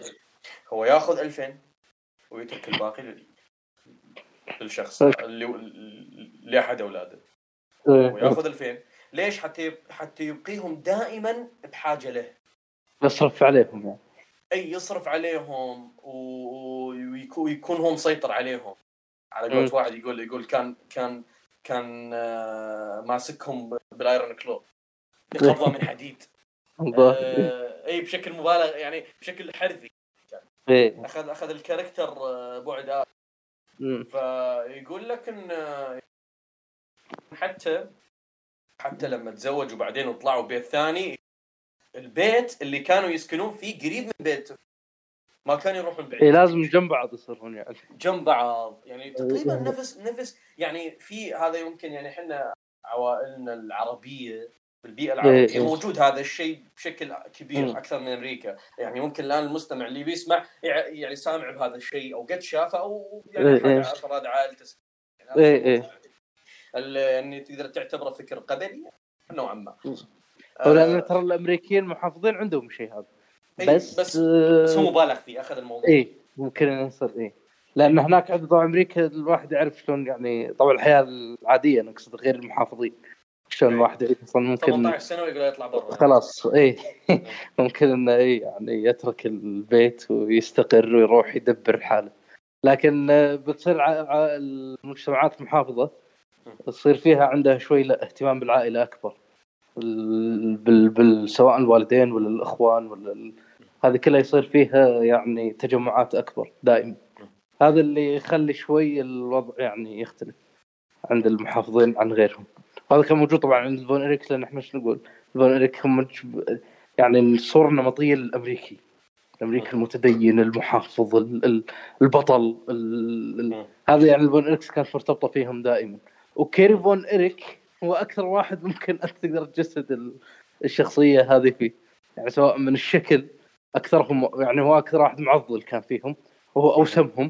وعنده أكثر كاريزما يمكن. هذا صار ناتجه من هذا الشيء. آه، كاريزما قوية. هذه مسألة كاريزما يعني لأن دائما يشوف ديفيد هو اللي عنده كاريزما بس إنه ما لا أنا اللي سمعت آه، فلير إيه. يقول أنا ما شفت شيء يعني بالفون إريكس ما شفت شيء يعني بتكساس مثل ما الناس تحب كيري فون إريك. وكورنيت هذه هذه ليش؟ لأنه لأنه. كيري كورنيت. إيه. ايد الكلام هذا وقال قال إنه هو كان أكثر الم... الكاريزما. حتى لما سئل مين اللي كان راح يكون النجم الأهم كان يقول أنا أشوف إنه كيري فون اريك بس مو لأنه أحسن واحد بالحلبة لكن لأنه كان عنده المظهر وكان عنده الكاريزما. هي هذه ال- الأمر. وما أقول أنك ديفيد ما عنده كاريزما بس ممكن الأكثر كاريزما كان آه، لا آه، بوضح أنا أشوف شغله هذول هذول اللي كانوا معه يعني اللي اللي, إما اللي تابعوه عن قرب أو اللي آه، دخلوا مع هو- الحلب هو في تكساس كان عنده الشعبية الأكبر من ديفيد وهذا ذكرته. إنه هو في. تكساس شعبيته أكبر. ديفيد كان عنده كاريزما face وكاريزما heel. هم ليش يمدحون كاريزما ديفيد؟ ديفيد كان كاريزما أشمل. كان كان يعني يعني في مقومات إن واحد هذا لو أعطيه لقب العالم راح ينجح أكثر يعني من أي واحد ثاني. لأن هو- كان شمولي شمولي كان لا هي لأن الكاريزما إيش ترتبط فيه؟ ترتبط بالفطره بالشخصية. يعني بالشخصية لا إيه يعني ما ما ترتبط بالأدوار قدر ما أنها مم. ترتبط ب الشخص هذا شلون له قبول عند الناس مم. مم. كيري كان عنده قبول أكثر عند الجمهور كان يقول ريك فلير يقول يقول لما تدخل تكساس ومباراه مع كيري يقول أنا أحط يعني بالحساب إني ما أدري يعني هل برجع أنا سليم ولا غير سليم إذا انتهت المباراة بدون لا يفوز بال... إيه. لما تنتهي المباريات. من كثر ما أن الجمهور كان يعني يقول حتى كان استعمل هذا اللفظ يقول they love that kid. يعني يعني جدا مغرمين بال بال بالرجل هذا. هو هذا المفهوم يعني أنا أعتقد اللي المسه من مفهوم الكاريزما إنه يكون الإنسان عنده قبول أكثر من الناس من غيره. حتى وإن لم يكن عنده الموهبة نفسها أو نفس البرومو أو نفس الجودة بس يكون عنده قبول. هذا هو اللي يخليني يعني ممكن أنا أفهم ليش الناس تقول إن كيري كان هو ال top من الناحية هذه. بس هو داخل الحلبة. هو طبعا ممتاز كيري. يعني هذا لا يقول- ما يؤخذ من لا هو ولا كيفن شيء بس ديفيد كان يعني نفس ما ذكرت أنت كان مستوى مختلف يعني عن البقية.